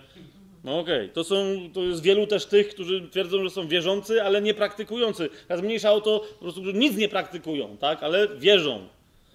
Cokolwiek by to miało oznaczać. Więc co się narodziło z ciała, ciałem jest, a co się narodziło z ducha, duchem jest. Nie dziw się, że ci powiedziałem, musicie się na nowo narodzić. Wiatr wieje dokąd chce i szum jego słyszysz, ale nie wiesz skąd przychodzi i dokąd idzie. I tak jest z każdym, kto się narodził z ducha. Odpowiedział Nikodem i rzekł do niego, jak to się może stać. Na to Jezus jemu odpowiada, i to jest bardzo istotne. Jesteś nauczycielem w Izraelu, a tego nie wiesz? Zaprawdę, zaprawdę powiadam ci, co wiemy, to mówimy i co widzieliśmy, o tym świadczymy, ale świadectwa naszego nie przyjmujecie. Jeżeli nie wierzycie, gdy wam mówiłem o ziemskich sprawach, uwaga, jakże uwierzycie, gdy wam mówić będę o niebieskich? Ewidentnie widzicie w odpowiedzi na pytanie, jak się człowiek może narodzić na nowo, Jezus mu sugeruje wprost, że, że narodzenie na nowo jest już mówieniem o rzeczach niebieskich. Duch zwraca człowieka jak wiatr w, w, górę. Tak? On nigdy nie ciągnie pod ziemię. I teraz przeskoczmy sobie jeszcze, bo to nam za chwilę będzie do następnych fragmentów, do ich zrozumienia e, pełniejszego potrzebne, do 18 wersetu. Jezus dalej mówi o tych ludziach, którzy są narodzeni na nowo, którzy są osobami duchowymi. On tu mówi o sobie jako o synu człowieczym i mówi, kto wierzy w niego, nie będzie sądzony. To jest osiemnasty werset i następne tego trzeciego rozdziału Ewangelii Jana. Kto wierzy w Niego, nie będzie sądzony. Kto zaś nie wierzy, już jest osądzony, dlatego że nie uwierzył w imię jednorodzonego Syna Bożego. A na tym polega sąd, ten, który już się dokonuje, tak? Nie, te, nie chodzi o te ostateczne, że światłość przyszła na świat, ale ludzie bardziej umiłowali ciemność, bo ich uczynki były złe. Każdy bowiem, kto źle czyni, nienawidzi światłości i nie zbliża się do światłości, aby nie ujawniła ona jego uczynków. Ale kto postępuje zgodnie z prawdą, dąży do światłości, aby wyszło na jaw, że uczynki jego są dokonane w Bogu. Krótko mówiąc, w wielu innych miejscach pisma będziemy mieli mowę wprost o ludziach duchowych i cielesnych, o nowym i starym człowieku, o synach światłości, e, czy dzieciach światłości, i o synach buntu, czy też synach ciemności. Ale za każdym razem jest mowa o tej rzeczywistości, że ludzie są podzieleni na dwa rodzaje.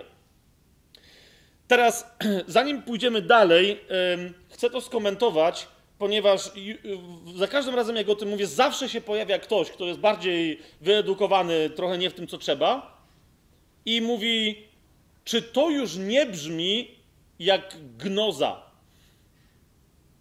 Dlaczego? No bo w pewnym momencie rzeczywiście pojawiła się taka sekta, ona się potem rozrosła, ona wciąż, mam wrażenie, ma ogromny wpływ na wielu chrześcijan, na wiele błędów, herezji, które powstają, e, która te prawdy Biblii nie odrzuciła, ale dołożyła do niej jeszcze coś, co spowodowało, że, że, że powstała zupełnie nowa nauka.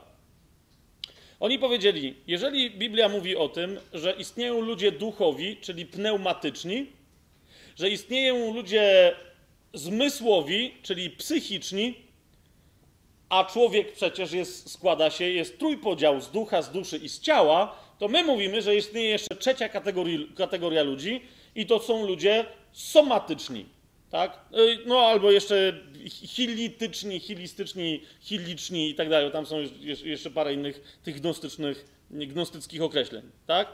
E, No i zaczęła się cała jazda, tak? Kto jest kim, ko, kto, co, co kogo charakteryzuje. Oczywiście y, tych ludzi, którzy w rozumieniu gnostycznym są pneumatykami, charakteryzuje co? Najwyższy rodzaj wtajemniczenia, oświecenie, którego doznają niezależnie od tego, czy są wierzący w Chrystusa, czy nie, i tak dalej, i tak. A więc zupełnie, kompletnie mityczny i magiczny system. Otóż jeżeli, ja mówię o tym, że, że, że wyraźnie Pan Jezus i potem wszyscy inni, którzy na, na Jego fundamencie nauczają, a więc apostołowie, że dzielą ludzi wyraźnie ze względu na przynależność do Chrystusa, na psychicznych i na duchowych, to jest tylko ten jeden podział i nie ma żadnego innego, tak? Nie uprawiamy żadnej gnozy, a że on e, jest tutaj bardzo jasny, to musimy sobie to biblijnie udowodnić i to właśnie teraz uczynimy. Tak? Jeszcze raz, po co? Po to, żeby zrozumieć, kto po śmierci co, czego może się, czego może się spodziewać i jaka później stąd dla nas wynika praktyka e, wiary. Najpierw sobie otwórzcie pierwszy list do Tesaloniczan. Zaraz po tym, jak tu przeczytaliśmy o, wiecie, o, o uczynkach światłości, o, o, o uczynkach ciemności, o sądzie, który się dokonuje em, dlatego, że się światłość objawia. Nawiasem mówiąc, zwróćcie uwagę, zwróć uwagę, jeżeli jesteś chrześcijaninem, czy jesteś chrześcijanką, to na przykład list do Filipian jasno o tym ci mówi. No, Pan Jezus jasno o tym mówi. On o sobie powiedział: Ja jestem światłością świata, ale potem do uczniów powiedział: Wy jesteście światłością świata. Dlaczego? Bo macie moją światłość. List do Filipian wyraźnie mówi, że my jesteśmy źródłami światła w tym świecie. W związku z tym nie dziwcie się, że czasem pojawiając się tu i tam, wcale nie szukając zaczepki, wywołujecie agresję, wywołujecie opór, e, masę innych reakcji. Dlaczego? Ponieważ sama Twoja obecność osądza ludzi, którzy są psychiczni, osądza ludzi, którzy chodzą jeszcze w mroku. To jest to, o czym Pan Jezus tam wcześniej powiedział, tak? Że sąd polega na tym, że światłość przyszła na ten świat i my ją dzisiaj reprezentujemy, ale ci, którzy są z ciemności, boją się światłości boją się do niej zbliżać i boją się, jak ona się do nich zbliża, bo ona ujawnia ich zło, tak? Teraz pierwszy list do Tesaloniczan, jak sobie yy, otworzycie. Yy, najpierw yy, wersety czwarty do dziesiątego. Zauważcie, tu Słucham? Yy, rozdział piąty. Rozdział piąty. Paweł tam między innymi mówi wyraźnie, że tym się różnią dzieci światłości, a więc, a więc pneumatycy, ludzie duchowi, od dzieci ciemności, że dla tych pierwszych, dla ludzi duchowych, nie będzie zaskoczeniem nadejście Dnia Pańskiego. My na niego czekamy z utęsknieniem jako wybawienia ale na psychików, którzy chodzą w ciemności, on przyjdzie jak złodziej i takich zaskoczy. Zobaczcie, yy, pierwszy do Tesaloniczan, piąty rozdział, wersety 4 do 10. Wy zaś, bracia, nie jesteście w ciemności, aby was dzień ten jak złodziej miał zaskoczyć. Wy wszyscy bowiem synami światłości jesteście i synami dnia. Nie należymy do nocy ani do ciemności. Przeto nie śpijmy jak inni, ale czuwajmy i bądźmy trzeźwi. Widzicie, ta koncepcja czuwajcie e, i módlcie się, czuwajcie i bądźcie trzeźwi jest związana z tym, że kto żyje w dniu, żyje według zasad dnia, a więc jest trzeźwy. Kto żyje w mroku, ten jest śpiący, bo w nocy się śpi. Jasne? To, to o to chodzi. Nawiasem mówiąc, widzicie, światło dąży do światłości po śmierci, to jest także to, a ciemność zmierza do ciemności. Skoro Szeol jest krainą ciemności, to ci, którzy są z ciemności, idą do tego, do czego należą, tak? I idziemy dalej, szósty werset. Przeto nie śpijmy jak inni, ale czuwajmy i bądźmy trzeźwi, albowiem ci, którzy śpią, w nocy śpią, a ci, którzy się upijają, w nocy się upijają. My zaś, którzy należymy do dnia, bądźmy trzeźwi, przywdziawszy pancerz wiary i miłości oraz przyłbicę nadziei zbawienia. Gdyż Bóg nie przeznaczył nas na gniew. To jest kolejny fragment, który nawiasem mówiąc wyraźnie wspomina o tym, że, że najwyraźniej, może nie wyraźnie, ale najwyraźniej, tak to rozumiem, wspomina o tym, że kiedy przyjdzie dzień gniewu, my będziemy od niego zachowani, tak? ale nie tylko dzień gniewu, tylko też to, co ten gniew, który doprowadzi do dnia gniewu, bo to o to bardziej chodzi. Gdyż Bóg nie przeznaczył nas na gniew, lecz na osiągnięcie zbawienia przez Pana naszego Jezusa Chrystusa, który umarł za nas, abyśmy czy czuwamy, czy śpimy, razem z Nim żyli. E, Tu już e, widzicie, e, kiedy tu mówi, czy czuwamy, czy śpimy, a więc tu nie, a wcześniej powiedział, że hej, my nie należymy do tych, co śpią. Więc wyraźnie tu następuje przeskok i po grecku tam sobie to również zauważycie, który umarł za nas, abyśmy my, tutaj mówiąc to tym językiem, o którym chodzi, bo to jest hebraizm ewidentny, czy jeszcze żyjemy, czy umrzemy, tak?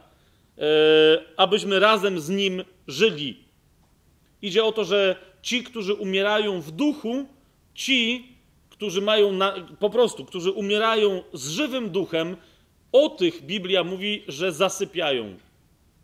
Jak pamiętacie, już się do tego odwołałem, jak Pan Jezus wskrzesza córkę Jaira, przywołuje, no właśnie wskrzesza, to wyraźnie mówi tym, którzy tam się zebrali, że ona nie umarła, ale śpi. Tuż przed tym, jak potem ewangelista daje świadectwo, że jej duch powrócił do niej, tak? I ona wstała. Jest dobrym pytaniem, czy Jezus mógłby na tamtym etapie swojego e, posłannictwa jako tak posłany Mesjasz, czy mógłby wskrzesić kogoś, kto umierając nie był, e, kto umierając był osobą mroczną, był osobą ciemności, był dzieckiem ciemności, czy był osobą zmysłową, był tylko i wyłącznie starym człowiekiem. Niektórzy mówią, no dobrze, ale co ta dziewczynka była zbawiona? E, no kluczem do rozumienia całej sprawy jest to, że to była dziewczynka. Marek o niej wprost mówi dziecko, tak? E, Ale wiemy wyraźnie, zwłaszcza, że tam jest porównanie do kobiety, która jest dojrzała i przez wiele lat przeżywa krwotok, wiemy o tym, że, że ona miała 12 lat, ale była jeszcze w sensie nawet fizycznym niedojrzała przed pierwszym okresem, ponieważ tak do niej się zwraca, Jezus mówi do niej talita kumi, tak? To znaczy mówi do niej dziewczynko, tak jak się już nie mówi, nie mówiło wtedy do kobiety, a kobietą się było, kiedy y, się miało pierwszy okres, tak? A więc dziecko, okay, najprawdopodobniej dziecko, które nie miało w swoim życiu nawet szansy, żeby zgrzeszyć. Jak, jak wiecie, jak zapomnimy o tych bajkach świętego, w cudzysłowie, Augustyna o grzechu pierworodnym, no to rozumiemy, że, że, że ta dziewczynka y, po prostu miała ducha, który mógł do niej wrócić i, i, i tego ducha, y, że się tak wyrażę, y, nie w sensie spirytystycznym, tylko jej ducha Pan Jezus wezwał i ona powstała. Tak Słowo Boże nam to wyraźnie mówi. I teraz przeskoczmy sobie, jak już tu mamy cały ten opis, do, czyli że on umarł, abyśmy przeczuwamy, czy śpimy razem z nim żyli, do 23 wersetu. A sam Bóg pokoju niechaj was w zupełności poświęci, aby cały duch wasz i dusza i ciało zostały zachowane bez nagany na przyjście Pana naszego, Jezusa Chrystusa. Widzicie, jak mówimy o tym trójpodziale, duch, dusza i ciało, jest rzeczą bardzo interesującą, że duch, tak właśnie, dodany do duszy i do ciała, pojawia się u Pawła tylko i wyłącznie, kiedy mówi do wierzących albo o wierzących. Wygląda na to, jakby, jakby, e, jakby duch u niewierzących był tylko i wyłącznie on z pneumy zamienia się wyłącznie w nus, tak? A więc w jakiś przejaw duchowy. Ale wygląda wyraźnie u niego, jakby ludzie, którzy są jeszcze niewierzący, którzy są jeszcze niezbawieni, jakby po prostu nie mieli funkcjonującego, żywego ducha. Teraz, żeby to udowodnić, otwórzcie sobie pierwszy list do Koryntian, bo to jest niezwykle istotne, żebyśmy to zobaczyli. Otwórzcie sobie pierwszy list do Koryntian. E, Tam Paweł niespecjalnie to tłumaczy, bo jemu się to wydaje najwyraźniej oczywiste, tak? Ale otwórzcie sobie pierwszy list do Koryntian, drugi rozdział.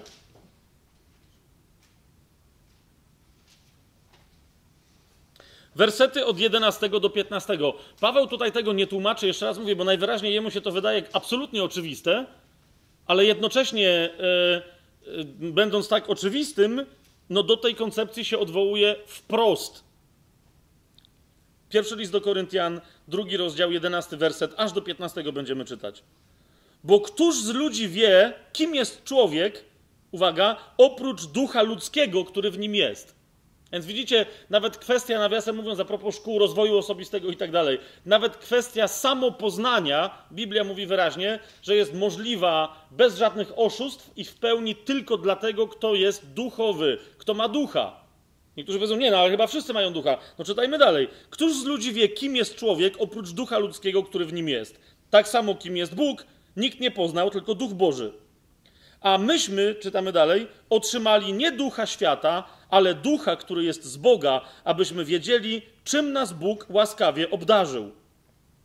Głosimy to nie w uczonych słowach ludzkiej mądrości, ale w słowach, których naucza duch, uwaga, przykładając do duchowych rzeczy duchową miarę. I teraz jakby nagle sobie Paweł przypomniał, że aha, no zaraz, żeby jacyś inni ludzie, którzy twierdzą, że się zajmują duchowością, się tu nie włączyli i nie powiedzieli, ja też mam poznanie, to nagle w czternastym wersecie doszczegóławia. Ale człowiek zmysłowy nie przyjmuje tych rzeczy. I teraz tu po grecku macie wyraźnie napisane, jak sobie sprawdzicie w, tam w interlinearnym tam yy, wydaniu i tak dalej, macie wyraźnie psychikos, Człowiek psychiczny, a więc ten, który w sferze duchowej żyje co najwyżej na poziomie duszy. Ok?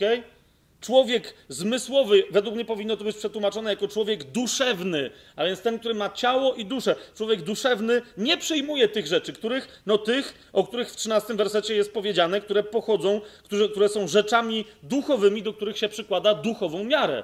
A on mówi, żaden człowiek zmysłowy, człowiek duszewny, człowiek psychiczny nie jest w stanie przyjąć tych rzeczy, które są z Ducha Bożego, bo są dla niego głupstwem i nie może ich poznać, gdyż należy je, uwaga, duchowo, pneumatikos, tu jest, pneumatycznie rozsądzać.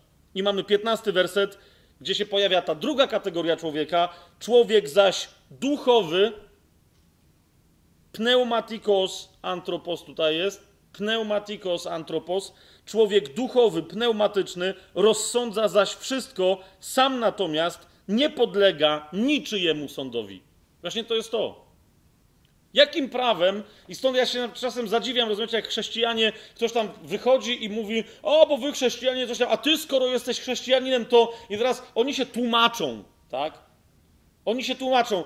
Jak się, wyobraź sobie, że ktoś w raju został, na przykład Adam, a wyleciała Ewa. A dobra, żeby nie wyszło, że jestem seksistą, to Ewa została, a wyleciał Adam. Adam, wylatując z raju, stał się yy, w dużej mierze człowiekiem zmysłowym i psychicznym. I Bóg mu to wyraźnie powiedział. Gdyby ta została w raju, to ona została jedząc z drzewa życia, a ten jedyne, o czym pamięta i jedyne doświadczenie, jakie w sobie ma, to jest doświadczenie drzewa poznania dobra i zła. I dlatego cały czas ludzie, którzy są psychiczni, którzy są zmysłowi, postrzegają chrześcijaństwo z boku, patrząc jako jakąś szkołę moralności, jako jakąś religię etyki. No, I, wy, I wytykają chrześcijanom, o, gdybyś był dobrym chrześcijaninem, to to. Ale kim ty jesteś, Łosiu, żeby w ogóle mnie sądzić? Rozumiesz? Nie, nie chodzi mi o to, że to ma być z naszej, z naszej strony jakaś pycha, tylko idzie mi o to, że, że ja nawet nie, nie jestem w stanie wyjaśnić często takiej osobie, na czym polega intuicja, e, reguły mojego działania i prawo, dlaczego robię to czy tamto. Czemu? Ponieważ drugi człowiek duchowy to zrozumie, ale psychiczny w ogóle nie usłyszy. Nie chodzi o to, że nie zrozumie, tylko w ogóle nie usłyszy, tak? Bo tylko człowiek duchowy, zobaczcie, 15, 14 werset, człowiek zmysłowy nie przyjmuje tych rzeczy. O to chodzi. Więc jak rozmawiamy z ludźmi zmysłowymi, głośmy im Ewangelię, a nie wyjaśniajmy im, wiecie, e, archeologii biblijnej. Człowiek zmysłowy nie przyjmuje tych rzeczy, które są z Ducha Bożego, bo są za, dla niego głupstwem. I po, po, drugie, to jest bardzo istotne w tym wersecie, on nie ma zdolności poznawczej. To jest wyraźnie powiedziane, nie może ich poznać, bo je należy rozsądzać duchowo, a on nie ma ducha. Tak? Wyraźnie Paweł w tych miejscach sugeruje, że ci ludzie nie mają funkcjonującego mm, e, ducha. Jak sobie 15 rozdział tegoż listu otworzycie, tam gdzie jest mowa o, o zmartwychwstaniu, ale na razie to, to nie to nas interesuje 15 rozdział, 44 werset. Tu jest powiedziane o tym, jak my na tej ziemi żyjemy. 15 rozdział, pierwszy, pierwszy list do Koryntian to jest cały czas. 15 rozdział, 44 werset. Tam jest pokazana kolejność, tak? Sieje się ciało cielesne, mamy tutaj napisane, Sieje się ciało cielesne. Niektórzy mówią, no tak, yy, a smaruje się masło maślane, tak? No, no właśnie, to ciało cielesne tutaj jest, jest to nazywa się, nazywa się ciałem psychicznym. Sieje się ciało psychiczne, czyli takie, które jest zarządzane przez duszę, tak? Sieje się ciało cielesne, bywa wzbudzone ciało duchowe. A więc znowu jest soma, która jest pneumatyczna, duchowa, tak? Ale i tu, i tu jest ciało. I dlatego zmartwychwstanie jest w ciele, tylko ono jest zarządzane przez, przez inną moc i stąd ma inny charakter. Jeżeli jest ciało cielesne, to jest także ciało duchowe. Yy, I potem przeskoczmy do 46 do 47 fragmentu. Wszakże nie to, co duchowe jest pierwsze, ale to, co cielesne, potem dopiero duchowe. Yy, no dlatego Pan Jezus mówi, że musimy się narodzić na nowo. To, jak się wszyscy urodziliśmy, to nie wystarczy. Yy, I 47 werset, jeszcze raz macie, widzicie, widzicie odwołanie. Pierwszy człowiek jest z prochu ziemi, a więc jest ziemski, i, i ten człowiek się rozpadnie. Prochem jesteś i w proch się obrócisz. Drugi człowiek, uwaga, ten pneumatyczny jest skąd? z nieba. I dlatego właśnie, jak powiedział Jezus o narodzeniu się z ducha, e, i ten go zapytał, jak to się może stać, że się mamy narodzić na nowo, Jezus mu odpowiedział: To, to jeżeli e, ja uczę o rzeczach ziemskich i, i masz problem, to jak zaczynam o niebieskich, tym, tym bardziej skąd on ci się bierze, skoro jesteś nauczycielem Izraela. Tak? Człowiek duchowy nagle, kiedy się rodzi na nowo, ma nową ojczyznę człowieka ziemskiego ciągnie do grobu, a jedyne co mu pozostaje to jest dusza zanurzona w mroku i ona zmierza do mroku. Człowiek duchowy, kiedy umiera, nadal traci swoje ciało, które jest prochem, i proch idzie do prochu, ale duch jest wezwany przez Boga, jak to wcześniej słyszeliśmy, że duch, e, że, że Bóg wzywa ducha, którego, e, którego sam stworzył. Jak sobie otworzycie, bo jeszcze raz, bo mówię, możemy tu klasycznych takich zawodników przywoływać, ale jak sobie otworzycie list Judy, on jest, to jest przedostatnia księga w Biblii, przed y, objawieniem Janowym, przed Apokalipsą, to do tego podziału, zobaczycie, że to nie jest tylko znowu Paweł, to nie, to jest, to, to nie jest Pan Jezus, to są wszyscy, tak? Nie ma żadnego trójpodziału na chylików, psychików i pneumatyków, ale jest ewidentnie podział na ludzi starych, psychicznych i na ludzi nowych, pneumatycznych. E, na zdrowie. Nika, na zdrowie. E, list Judy, jak sobie otworzycie, e, nie ma żadnego rozdziału, bo jest jednym rozdziałem. List Judy, jak sobie otworzycie, wersety 18 i 19. Gdy mawiali do was w czasie ostatecznym, wystąpią, wystąpią szydercy, postępujący według swoich bezbożnych porządliwości. To są ci, którzy wywołują rozłamy, zmysłowi, nie mający ducha, tak? I tu jest znowu zmysłowi, tu jest znowu słowo psychikoi, czyli ludzie psychiczni. Jacy? Wyraźnie Juda mówi, to są ci, którzy nie mają ducha. Ok, w niektórych tłumaczeniach tutaj będziecie mieli pneumę z dużej litery, czyli którzy nie mają ducha i macie z dużej litery, prawda?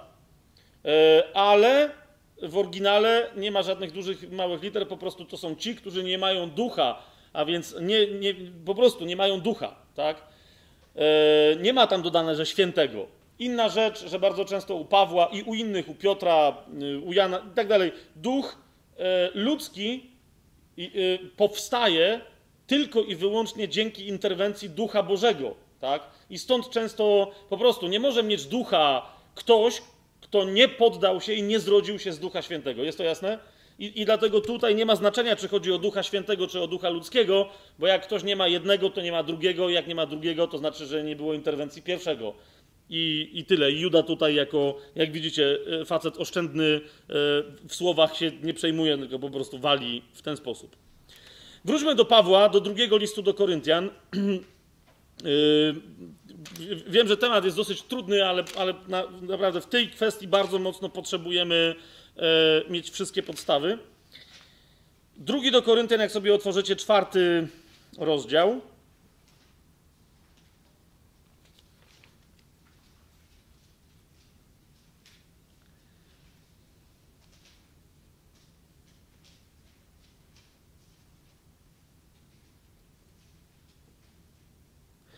E, nawiasem mówiąc, widzicie, to teraz tak sobie pomyślałem, e, czwarty rozdział, pierwszy werset, widzicie, Czasem my po polsku, ja nie wiem skąd się to tym tłumaczom wzięło, duch w Biblii jest wyrazem świętym. Nie chodzi mi o to, że to jest Duch Święty, tylko to jest wyraz, który jest zarezerwowany, tak? I w związku z tym nie powinno się uprawiać takich dziwnych tłumaczeń, jak macie w drugim do Koryntian w czwartym rozdziale, w pierwszym wersecie. Nie wiem, jak on u was brzmi. U mnie on brzmi, e, dlatego mając tę służbę, która nam została poruczona z miłosierdzia, nie upadamy na duchu. Wy też tam tak macie, tak? W sensie duch jest czymś mocnym, żywym, działającym, aktywnym, ponieważ jest, jest zjednoczony z Duchem Świętym i, on, i nie można upadać na duchu.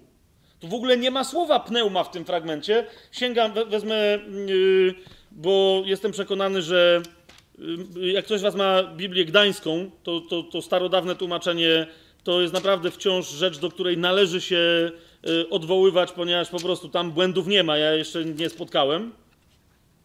Yy, czwarty rozdział, ok. No właśnie, to, no, no właśnie, to jest właściwe tłumaczenie. Dlatego, mając to usługiwanie, tutaj jest takie tłumaczenie, tak jakośmy miłosierdzie otrzymali, nie słabiejemy. I nie ma żadnego upadania na duchu, tak? Nie ma, nie ma żadnych takich sytuacji w, w, Biblii. Ja rozumiem, że jest takie powiedzenie po polsku, ale ono jest po prostu głupie i tyle, no nie? I w sensie biblijnym, tak? No więc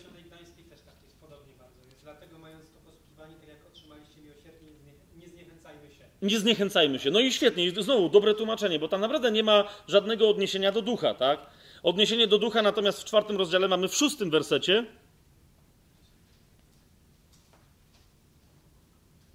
Tam jest y, w nieco inny sposób, ale wyraźnie powiedziane y, o tym, że światłość w nas e, jest, jest gwarantowana przez Boga. Najpierw, żebyśmy mieli kontekst, czwarty rozdział, wersety szósty i siódmy.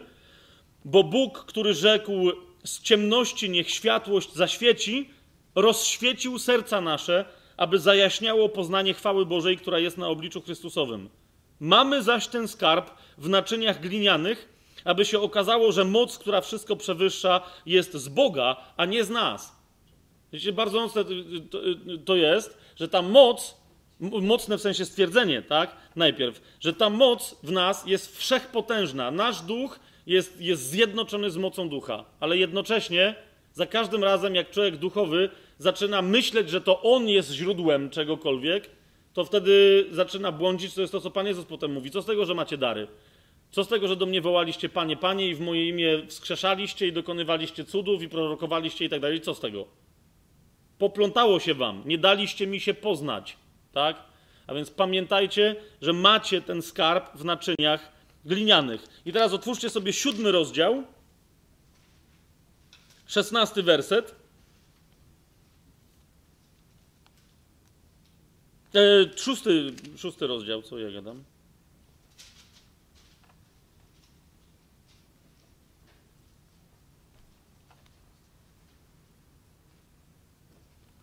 Nie, zaraz, co, to, nie, nie, to, nie, nie, to jeszcze raz.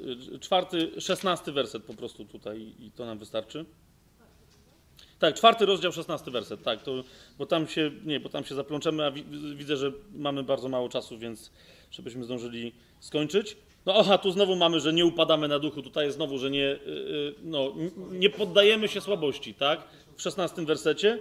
I teraz widzicie, jeszcze raz, ten proch, tak, żebyście tu zobaczyli ten kontekst, zewnętrzny proch, yy, on, rzeczywiście my go mamy stracić, ale tym się mamy nie przejmować.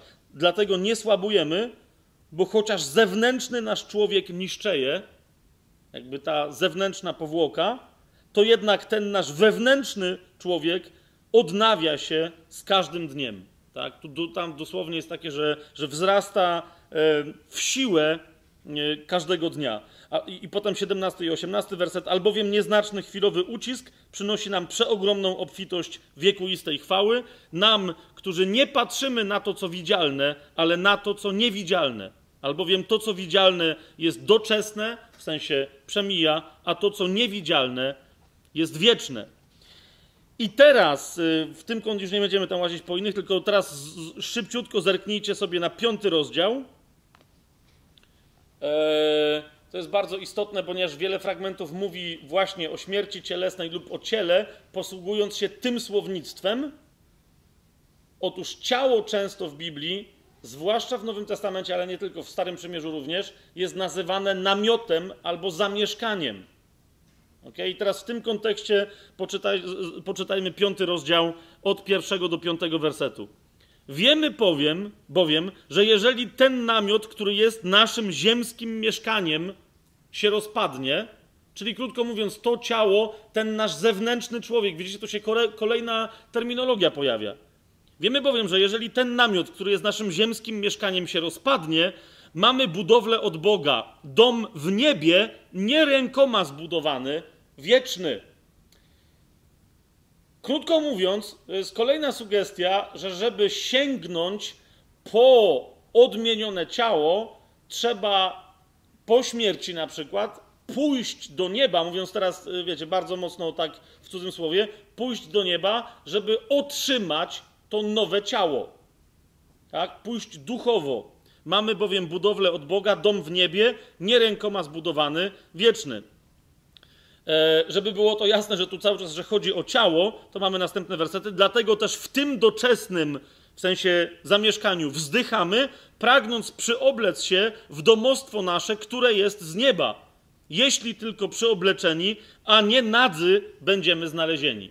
Tutaj Znowu Paweł się odwołuje do tego, co już w pierwszym liście do Koryntian napisał, pamiętacie, tak? Że ci, którzy budują na Chrystusie, e, jak przyjdą ze swoimi dziełami, jak przejdą przez ogień, jak mieli słomę, siano i tak dalej, to zostaną nadzy. Będą zbawieni, ale tak jakby e, przez ogień. Dopóki bowiem jesteśmy w tym namiocie, to jest dalej piąty rozdział, teraz czytam wersety czwarty i piąty, dopóki bowiem jesteśmy w tym namiocie, wzdychamy, obciążeni, ponieważ nie chcemy być zewleczeni, lecz przyobleczeni aby to, co śmiertelne, zostało wchłonięte przez życie. To jest to. Ci, którzy są psychiczni, boją się śmierci. Ci, którzy są duchowi, przestają się bać śmierci. Czemu? Ponieważ nie oczekują na śmierć, ale z dnia na dzień, im bardziej Twoje ciało się starzeje i rozpada, jednocześnie wiesz, że Twój duch, który jest gwarantem otrzymania nowego ciała, rozrasta się, mężnieje, cudownieje, silnieje i żyje, ok? I, I w tym procesie to nie nadchodzi śmierć, ale czujesz, jak życie tę nadchodzącą śmierć pochłania. Dlatego w innym miejscu Paweł, nawiasem mówiąc też do Koryntian, krzyczy: I gdzie jest o śmierci teraz Twoje żądło? I gdzie jest Twoje zwycięstwo?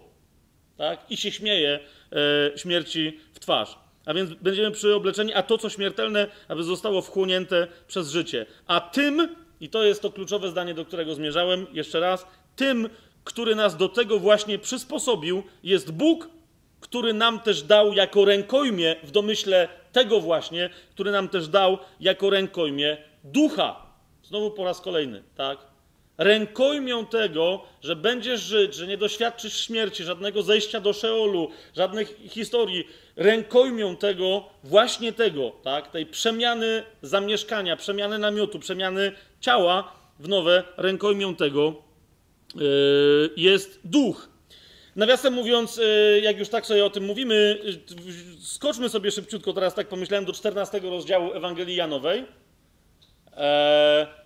Czyli krótko mówiąc, jak pamiętacie, że, że namiot albo zamieszkanie, albo mieszkanie, tak, oznacza przede wszystkim ciało nasze, to jak w tym kontekście rozumiecie to stwierdzenie Pana Jezusa? To jest Ewangelia Janowa, 14 rozdział, od pierwszego tam dalej idę, tak? Niech się nie trwoży serce wasze. Wierzycie w Boga i we mnie wierzcie. I teraz uważajcie.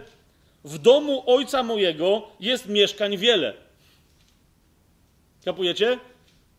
Czy aby na pewno chodzi o to, że Bóg w niebie ma blokowisko i tam dla ciebie jest zarezerwowane M3?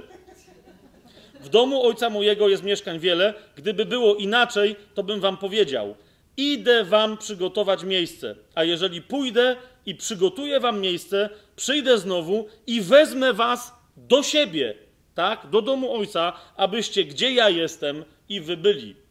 Widzicie? To jest ca cały czas. Ci, którzy są duchowi, są wzywani tam, no, po prawo, że się tak wyrażę, do nowego ciała.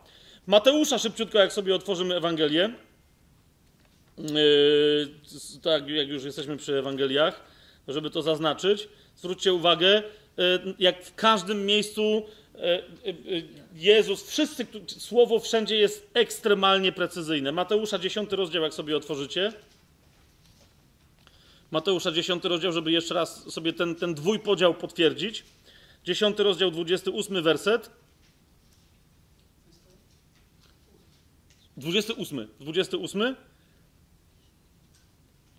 Zwróćcie uwagę, co- Pan Jezus tam mówi. To są wszystko bardzo precyzyjne stwierdzenia. On może mieć w kontekście tu coś innego na myśli, ale jednocześnie nie będzie kłamał przecież w innych kwestiach. Zawsze mówi całą prawdę, tak? W 28 wersecie. I nie bójcie się tych, którzy zabijają ciało, ale duszy zabić nie mogą. Uwaga, bójcie się raczej tego, który może i duszę, i ciało zniszczyć w piekle. Zauważyliście, że wszakże tenże, który ma taką władzę, nie będzie w piekle niszczył ducha? Jedyne, co on może zrobić w piekle, to zniszczyć tych, którzy będą w piekle, a więc tych, jeżeli miejmy nadzieję, że nie wiem, wszystkich, wszystkim będziemy skutecznie głosić, że nikt tam nie trafi, ale jeżeli, no to wtedy tam się trafia z duszą i z ciałem, tak? Jest to założenie, że tam nie trafia nikt, nikt, kto ma ducha. Efezjan, drugi rozdział, jak sobie otworzycie, Yy, no, żeby już to sobie tak zupełnie potwierdzić. Efezjan, drugi rozdział.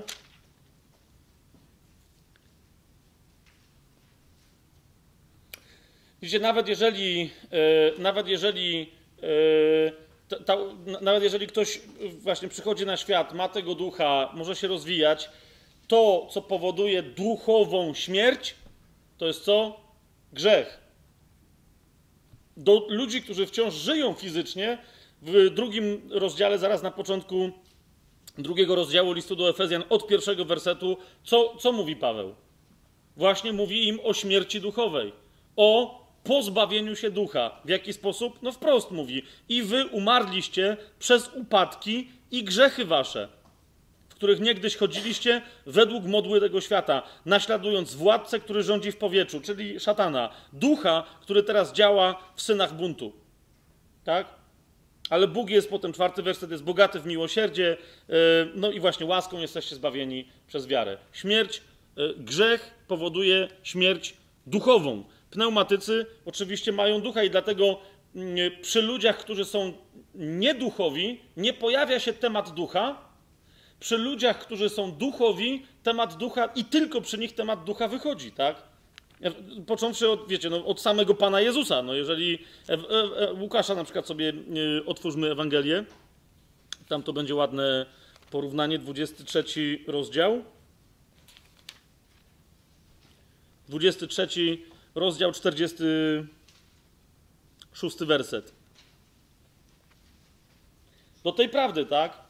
Do, do tej prawdy, oczywiście, że Jezus, który jest bez grzechu, umierając, umiera jako osoba duchowa, jako człowiek. 23 rozdział Ewangelii Łukasza, Łukasza, 23 rozdział, 46 werset. Tylko osoba duchowa może w ten sposób powiedzieć. Y, Specjalnie wziąłem Łukasza, zaraz złapiecie czemu, tak? Y, 46 werset. A Jezus, zawoławszy wielkim głosem, wykrzyknął: Ojcze, w Twoje ręce polecam mojego ducha. I powiedziawszy to, skonał. Tak? Jak już mamy tutaj Łukasza, ósmy rozdział sobie yy, otwórzcie, żeby to zobaczyć. To jest to, do czego się odwołałem. No właśnie, skoro już o Łukaszu mówimy, yy, do czego się tu parę razy już odwoływałem. Ósmy rozdział od y, 52 wersetu. Tak, od 52. Ta dziewczynka jak umarła, tak? I teraz widzicie, co się dzieje. Mm, Wszyscy płakali i żałowali jej, on zaś rzekł: Nie płaczcie, nie umarła, ale śpi. I wyśmiewali go, bo wiedzieli, że umarła. On zaś, ująwszy ją za rękę, zawołał głośno: Dziewczynko, wstań. I powrócił duch jej, i zaraz wstała, a on polecił, aby dano jej jeść. Tak? Teraz ten sam autor, bo o to mi chodzi, że to jest Łukasz, tak? W dziejach apostolskich, czyli w kolejnej księdze, którą napisał, w siódmym rozdziale, jak sobie go tam szybko otworzycie, znowu pokazuje śmierć człowieka duchowego, tak? On się nie przeraża ciemnością, nie przeraża sądem, nie przeraża, że mu się coś kończy w życiu. On doskonale wie, że to jest natychmiastowe wejście w nową rzeczywistość, której będzie doświadczał. Tak jak Paweł, dla mnie śmierć to zysk, mówi, tak? Są dzieje apostolskie, 7 rozdział, 59 werset.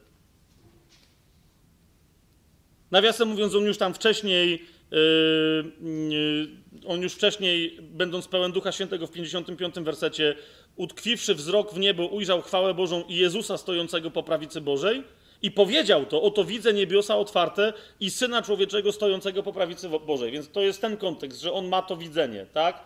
I teraz co się dzieje? Ci się wściekli, zaczynają go zabijać, 59 werset i kamienowali Szczepana, a ten modlił się takimi słowami: Panie Jezu, przyjmij mojego ducha. Kolejny człowiek, tak? Tak umiera osoba pneumatyczna, tak umiera pneumatyk, tak umiera osoba duchowa, tak umiera wierzący, tak?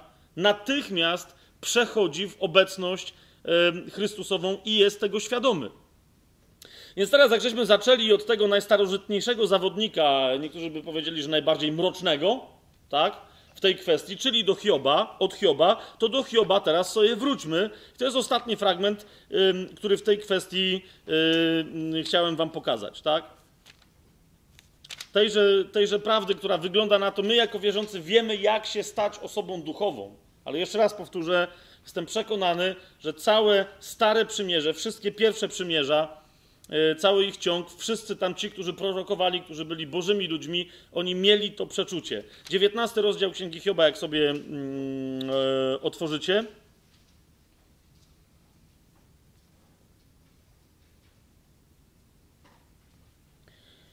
E, kolejny bardzo jasny fragment, tak, dla tych, którzy mówią, że nie, bo to jest jakiś tam pomysł no, w Nowym Testamencie, na, nawet gdyby był, ale 19 rozdział, 25 werset.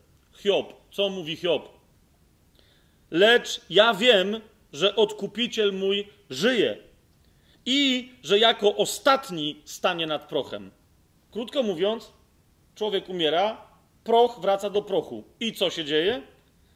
Że potem, chociaż moja skóra jest tak poszarpana, uwolniony od swojego ciała, będę oglądał Boga. To mówi Hiob.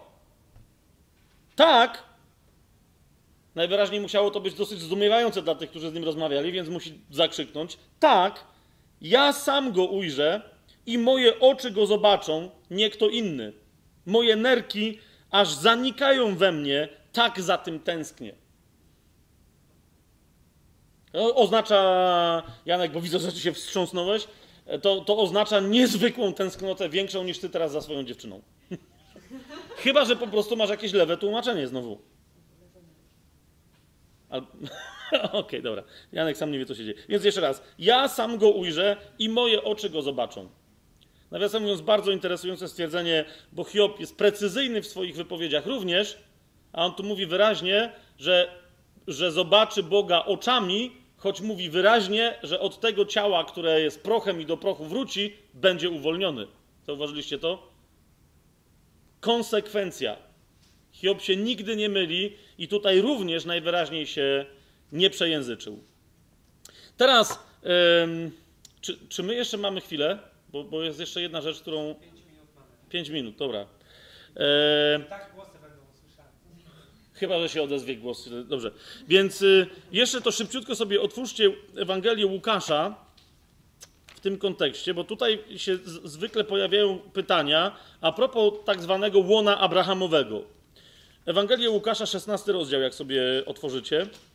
No tu myślę, że jeszcze to by trzeba było e, w tym kontekście poruszyć, tak? Bo tu się, tu się całe kontrowersje dokonują. 16 rozdział, wersety od 19 do 31. E, tylko u Łukasza się pojawia tak zwane podobieństwo o bogaczu i o biednym Y, żebraku Łazarzu. I teraz Pan Jezus, y, no jak widzicie, ja mam wśród tytułu, że to jest podobieństwo, czyli przypowieść. Niektórzy mówią, no to jest przypowieść, więc tu Pan Jezus tylko chciał dowalić faryzeuszom, którzy byli chciwi i którzy się z niego śmiali. Tak? Niemniej, tylko w krótkim komentarzu, bo widzicie, chodzi o to, że tu mniej więcej idzie o to, że oni umierają i że zaraz po śmierci Łazarz trafia na łono Abrahama, czyli jakoś leży wsparty, ucztując najwyraźniej z Abrahamem, a grubo poniżej, w jakichś tam płomieniach, o których sam ten bogacz wspomina, w 24 wersecie mówi, bo męki cierpię w tych płomieniach, no właśnie, znajduje się w jakimś takim jakby piekle, od razu po śmierci znajduje się bogacz, tak? No i niektórzy mówią, że no, to by sugerowało, że od razu po śmierci ten Szeul tam jednak może dla niektórych od razu stać się piekłem, a e, dla niektórych, e, no, no właśnie, to, to, to niebo od razu może być wypoczynkiem, bo Abraham tutaj symbolizuje Boga i, i no i właśnie, i się zaczynają opowieści symboliczne. Przede wszystkim mam ogromną wątpliwość co do tego, czy ta konkretna opowieść jest przypowieścią. I mówię wam od razu dlaczego. Po pierwsze, w przypowieściach Pan Jezus e, nigdzie ni- nikogo nie nazywa z imienia. Nigdzie. A tu ten gość, ten jego żebrak ma wyraźnie na imię Łazarz. Tak? Pojawia się kolejny zawodnik, czyli Abraham. E, We wszystkich innych przypowieściach Jezus mówi, że pewien człowiek, bogacz, ktoś tam. Tu bogacz też nie ma imienia, a mniejsza o to. Jeżeli w, Jezusowych przypowieściach pojawiają się liczby, zwróćcie uwagę na ten drugi bardzo istotny aspekt, jeżeli w Jezusowych przypowieściach pojawiają się liczby, to one zawsze się pojawiają po coś. Na przykład człowiek umówił się e, z pracownikami, że będą pracować do zachodu słońca, umówił się z nimi o talara. Ale potem znowu wyszedł i znowu się umówił o talara i tak dalej. I teraz chodzi o to, że to był jeden talar, tak? W innej przypowieści, ale wtedy wiadomo, że oni się o to, o to kłócą, to jest istotne, żeby ta liczba się pojawiła, tak? Bo ci dostali talara za 8 godzin pracy, a inni za godzinę i mówią, to jest niesprawiedliwe. W innych y, y, przypowieściach Pan Jezus na przykład mówi, że wyszedł jeden e, król i miał żołnierzy ileś tam tysięcy, a drugi ileś tysięcy i chciał pokazać, że jest nierównowaga. I ten, co ma mniej, że się musi zastanowić, czy będzie walczył. W jeszcze innej przypowieści e, nieuczciwy sługa zmienia zapisy dłużne e, i się pyta, ile jesteś winien mojemu panu? I ten mówi tam 100 miar czegoś tam, tak? Na co ten, okej, to ja zapiszę, że jesteś winien 80. Znowu te liczby się pojawiają po co? Po to, żeby pokazać, co robi dana osoba. W tej konkretnej niby przypowieści e, pojawia się liczba, która niczemu nie służy. Mianowicie dowiadujemy się w 28 wersecie od bogacza, że ma pięciu braci. W zasadzie nie wiadomo po co. Wiecie o co mi chodzi? W sensie, jakby on powiedział, że po prostu, że ma braci, albo że ma rodzinę, albo że ma cokolwiek, to, to byśmy zrozumieli. A tu Jezus wyraźnie mówi, że ten bogacz powiedział, że zostało mu na ziemi jeszcze pięciu braci.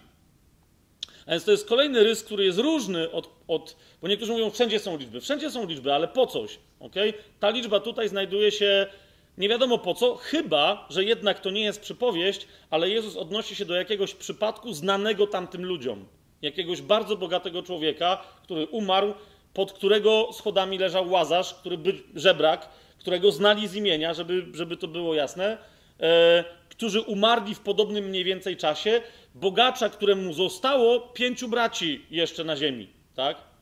I wtedy, jeżeli Jezus taką historię opowiada, to już wtedy nie jest to przypowieść, ale całkiem możliwe, że jest to jednak opowiedzenie Pana Jezusa, co się z nimi dzieje teraz po śmierci. Teraz sęk w tym, że oni tam po śmierci, je- jeżeli tak jest, to teraz znów ja się nie będę o to wielce kłócił, ale jeżeli tak jest, to widzicie wyraźnie, że bogacz znajduje się w, za przepaścią, której się już nie da przekroczyć. Znajduje się na dole, a łazarz znajduje się na górze, na łonie Abrahama. Tamten znajduje się na dole. Co prawda, Jezus nie opisuje płomieni. To jest bardzo istotne, bo niektórzy mówią, ale jeżeli on jest w płomieniach, to znaczy, że już jest w piekle, a piekło przecież jeszcze nie działa, bo dopiero po sądzie uczynkowym wszyscy będziemy tam wrzuceni. Ale znowu, tu Norbert, nawiasem mówiąc, to jest kolejny właśnie a propos nie, nie tyle znowu timeline'u, pamiętasz, dzisiaj rozmawialiśmy przed całym yy, wykładem, tylko znowu innego szczegółu. Otóż zwróćcie uwagę, że Jezus nie mówi, że ten człowiek znajduje się w płomieniach, ale że znajduje się w takim miejscu, w którym tak cierpi, że odbiera to, jakby był w płomieniach. Ok? To on mówi, że chce mu się pić, jest spragniony. Tak? Więc w 24 wersecie e, mówi: Poślij łazarza, żeby, zamoczył palec w wodzie i ochłodził mi język, bo męki cierpię w tych płomieniach. Tak? Ale Jezus nigdzie nie mówi o tym, że tam są jakieś, e, że tam są jakieś jakiekolwiek płomienie. Jest podobny błąd, jak niektórzy popełniają przy przypowieści, rzeczywiście przypowieści e, o tak zwanym, ja ją tak nazywam, o marnotrawnym ojcu. Jak to jeden syn, pamiętacie, wychodzi i marnotrawi pieniądze. Pamiętacie to? A drugi zostaje przy ojcu. Na co tamten marnotrawi pieniądze? No, używanie życia, nie? No ale na co konkretnie? Na hazard bodajże, na prostytutki. e, Okej. pijaki. Otóż, jak sobie sprawdzicie, nawiasem mówiąc, to są dwa rozdziały tutaj wcześniej, jak sobie sprawdzicie, tam nie jest powiedziane na co traci, po prostu jest powiedziane, że traci. Natomiast, natomiast to jego brat twierdzi, że on przepuścił te pieniądze na prostytutki. A, a potem niektórzy mówią, że tamten poszedł i przepuścił.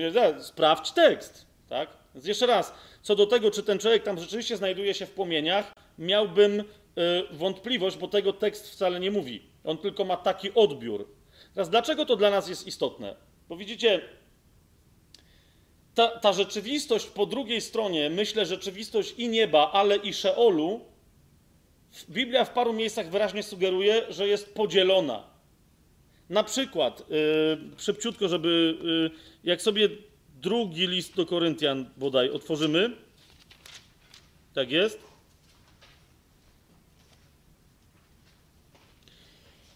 To w sposób bardzo, bo, bo, bo tam, jest, to jest, tam jest moment, gdzie Paweł prowadzi dysputę, potrzebuje bardzo mocnego argumentu, żeby jedną rzecz udowodnić. A więc to, co mówi, bardzo mu jest potrzebne, żeby było jak najprecyzyjniej opisane. Tak? Więc to jest drugi list do Koryntian, 12 rozdział. I teraz zobaczcie, on się posługuje tam takim stwierdzeniem, e, które jest zadziwiające. W 12 rozdziale yy, mówi w drugim wersecie, on to mówi o sobie, ale to niech będzie tak, bo tu również ta forma ze względu na, na, jego faryzejskie pochodzenie, forma tego argumentu musiała być taka. Otóż on mówi tak, 12 rozdział, drugi werset drugiego listu do Koryntian. Znałem człowieka w Chrystusie, który przed 14 laty, widzicie, to jest konkretna historia, czy to w ciele było, nie wiem, czy poza ciałem, nie wiem, Bóg to wie. Bardzo istotne rozróżnienie. Dlaczego? Bo on nie wie do końca, czy to było, czy on został tam fizycznie przeniesiony, czy to była tylko wizja, ale co się stało z tym człowiekiem? Został ten człowiek uniesiony w zachwyceniu aż do trzeciego nieba.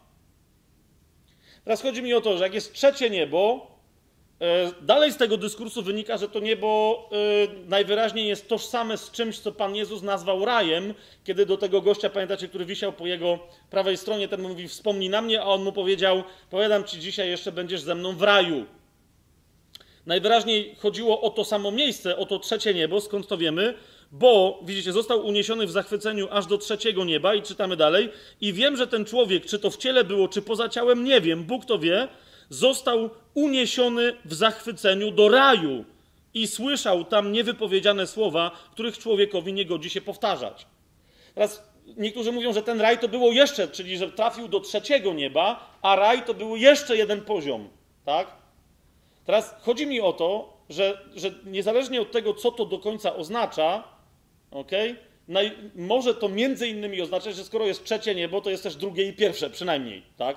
Skoro się doliczył on do trzech. Nie wiadomo, czy jest czwarte i piąte, i czy na przykład raj to jest siódme niebo, tak? I stąd mamy powiedzieć, że ktoś był w siódmym niebie, tak? Okej, okay, ale jeżeli jest trzecie, to, na, to na, na pewno jest drugie i pierwsze. I wielu słusznie zauważa, że skoro jest pierwsze, no to pierwsze jest niżej niż trzecie. A zatem być może, że z jakichś powodów na ten czas oczekiwania, okay, to, co, co niektórzy nazywają łonem abrahamowym, jest przebywaniem w tym najniższym niebie, bo ono jest bliskie do czego? Do najwyższego piekła, że się tak wyrażę. Rozumiecie o co mi chodzi?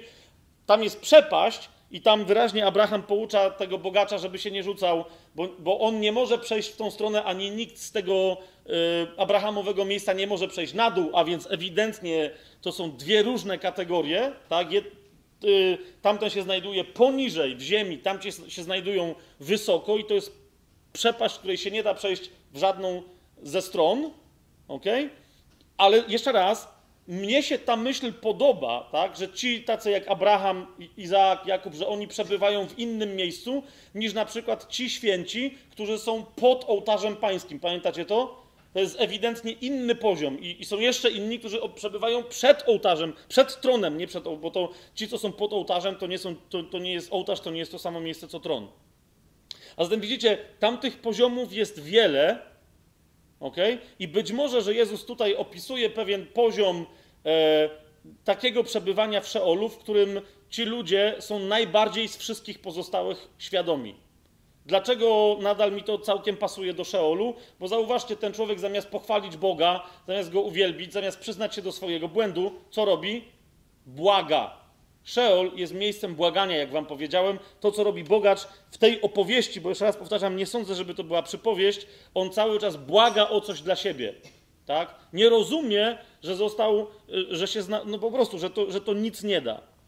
I teraz kończy bardzo interesującym powiedzeniem e, tę opowieść Pan Jezus, bo ten mu mówi, dobra, no to nie chcę, już nie ochładzajcie mnie, ale mówi, przynajmniej poślij tego gościa, poślij Łazarza, niech się pojawi właśnie tym moim pięciu braciom i niech im powie, co jest grane, żeby tu nie trafili. W domyśle niech przestrzegają przymierza, tak? Na co Abraham mu odpowiada 29 werset tego 16 rozdziału. Mają Mojżesza i proroków, niechże ich słuchają. Tak? Ten, ten na to mówi, nie ojcze Abrahamie, ale jeżeli by kto z umarłych, jeżeli kto z umarłych pójdzie do nich, to upamiętają się, w sensie nawrócą się, tak? I ten mu jeszcze raz odpowiada, jeżeli Mojżesza i proroków nie słuchają, to chociażby kto z umarłych powstał, też nie uwierzą. Rozumiecie, o co mi idzie? Zarazem Jezus na przykład wspomina o sytuacji tutaj, przepowiada sytuację z Łazarzem, już nie tym żebrakiem, ale ze swoim przyjacielem Łazarzem, który został wskrzeszony z, z martwych po czterech dniach leżenia w grobie. I co? Nawrócili się faryzeusze? Nie. Zaraz po tym, jak się dowiedzieli, że takie cuda robi, 11 rozdział Ewangelii Janowej, to będzie? Tak? Yy, zaraz po tym, jak dotarły do nich wieści, że wskrzesił e, człowieka, tak leżącego cztery dni w grobie, co oni robią? Nawracają się? Wierzą w coś? To jest 11 rozdział, 47 werset Ewangelii Janowej. Wtedy arcykapłani i faryzeusze zwołali Radę Najwyższą i powiedzieli, cóż uczynimy, skoro człowiek ten dokonuje tak wielu cudów? Jeżeli go tak zostawimy, wszyscy w niego uwierzą. Wiecie, to jest to, co Jezus przepowiedział, że już wrócił gość z martwych, no i co z tego? Wystarczy Tora, wystarczy Mojżesz, wystarczą prorocy, wystarczy, wystarczy ci Tanach. To, tak? Nie, nawet nie musisz mieć Nowego Testamentu. Wyraźnie Pan Jezus mówi, że to wystarczy, żeby odkryć Mesjasza. A jeszcze jak masz Nowy Testament, o czym w ogóle mówimy? E, I, I również jego samego zmartwychwstanie, zauważcie, skończyło się u faryzeuszy czym? Wymyślaniem, że, że jego ciało zostało wykradzione przez uczniów. Ale już zupełnie na sam koniec, myślę, że pełne wyjaśnienie tej opowieści o Łazarzu i tej opowieści o mm, bogaczu, którzy się znaleźli w, w tych dwóch miejscach, mamy y, właśnie w Ewangelii Janowej, skoro już tam jesteśmy, w piątym rozdziale, od 24 wersetu do 29. Ok? Pierwsza rzecz, pierwsza święta obietnica na temat tych, którzy są duchowi. Jezus mówi tak, 24 werset 5 rozdziału Ewangelii Jana. Amen, amen, powiadam wam, kto słucha słowa mojego i wierzy temu, który mnie posłał, ma żywot wieczny i nie stanie przed sądem. I przeszedł ze śmierci do życia. To jest pierwsze. Teraz zauważcie, teraz jest drugie amen, amen. Amen, amen. Powiadam wam też, że zbliża się godzina, owszem, już nadeszła, kiedy umarli usłyszą głos Syna Bożego i ci, co usłyszą, żyć będą. Teraz widzicie, Jezus tu nie mówi o tych, którzy są duchowi. Jezus mówi o tych, którzy mogą się znajdować w Szeolu. Mówi wyraźnie o umarłych, tak? Że usłyszą głos Syna Bożego, muszą mieć tam jakiś rodzaj świadomości. Ci, którzy usłyszą, żyć będą. Jak bowiem ojciec ma żywot w sobie, tak dał i synowi, by miał żywot sam w sobie. I dał mu władzę sądzenia, bo jest synem człowieczym. Nie dziwcie się temu, gdyż nadchodzi godzina, kiedy wszyscy w grobach usłyszą głos jego. I wyjdą ci, co dobrze czynili, by powstać do życia, a inni, którzy źle czynili, by powstać na sąd. Widać wyraźnie, że już w tym drugim świecie oni są wstępnie posegregowani. Tak? Oni są wstępnie posegregowani, e, a sąd będzie tylko stwierdzeniem tego faktu, który już przy śmierci będzie dosyć oczywisty. A zatem e, to nie będzie tak, że tam jeszcze będzie jak w amerykańskim filmie, można, jak ci, którzy powstaną na sąd uczynkowy, że będą jeszcze mogli wystawić dobrego adwokata i ich wybroni.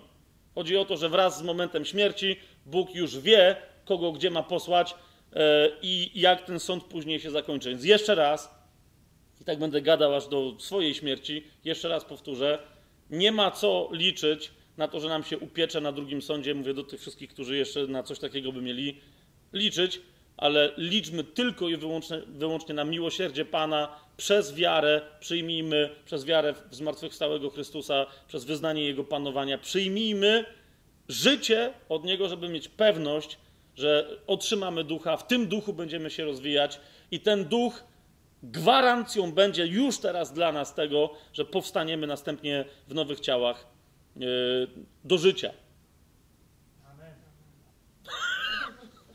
Pierwszy raz żeśmy zakończyli w jakiś taki zielonoświątkowy trochę sposób. Amen. Dziękuję Wam pięknie, chociażby dlatego, że, e, że salę zamykamy. Chociaż głos się z nieba nie odzywa, to jeszcze może za jakieś jedno czy dwa pytania, ale dla pewności wyjdźmy i sobie pogadamy na zewnątrz. Dobra? Dzięki.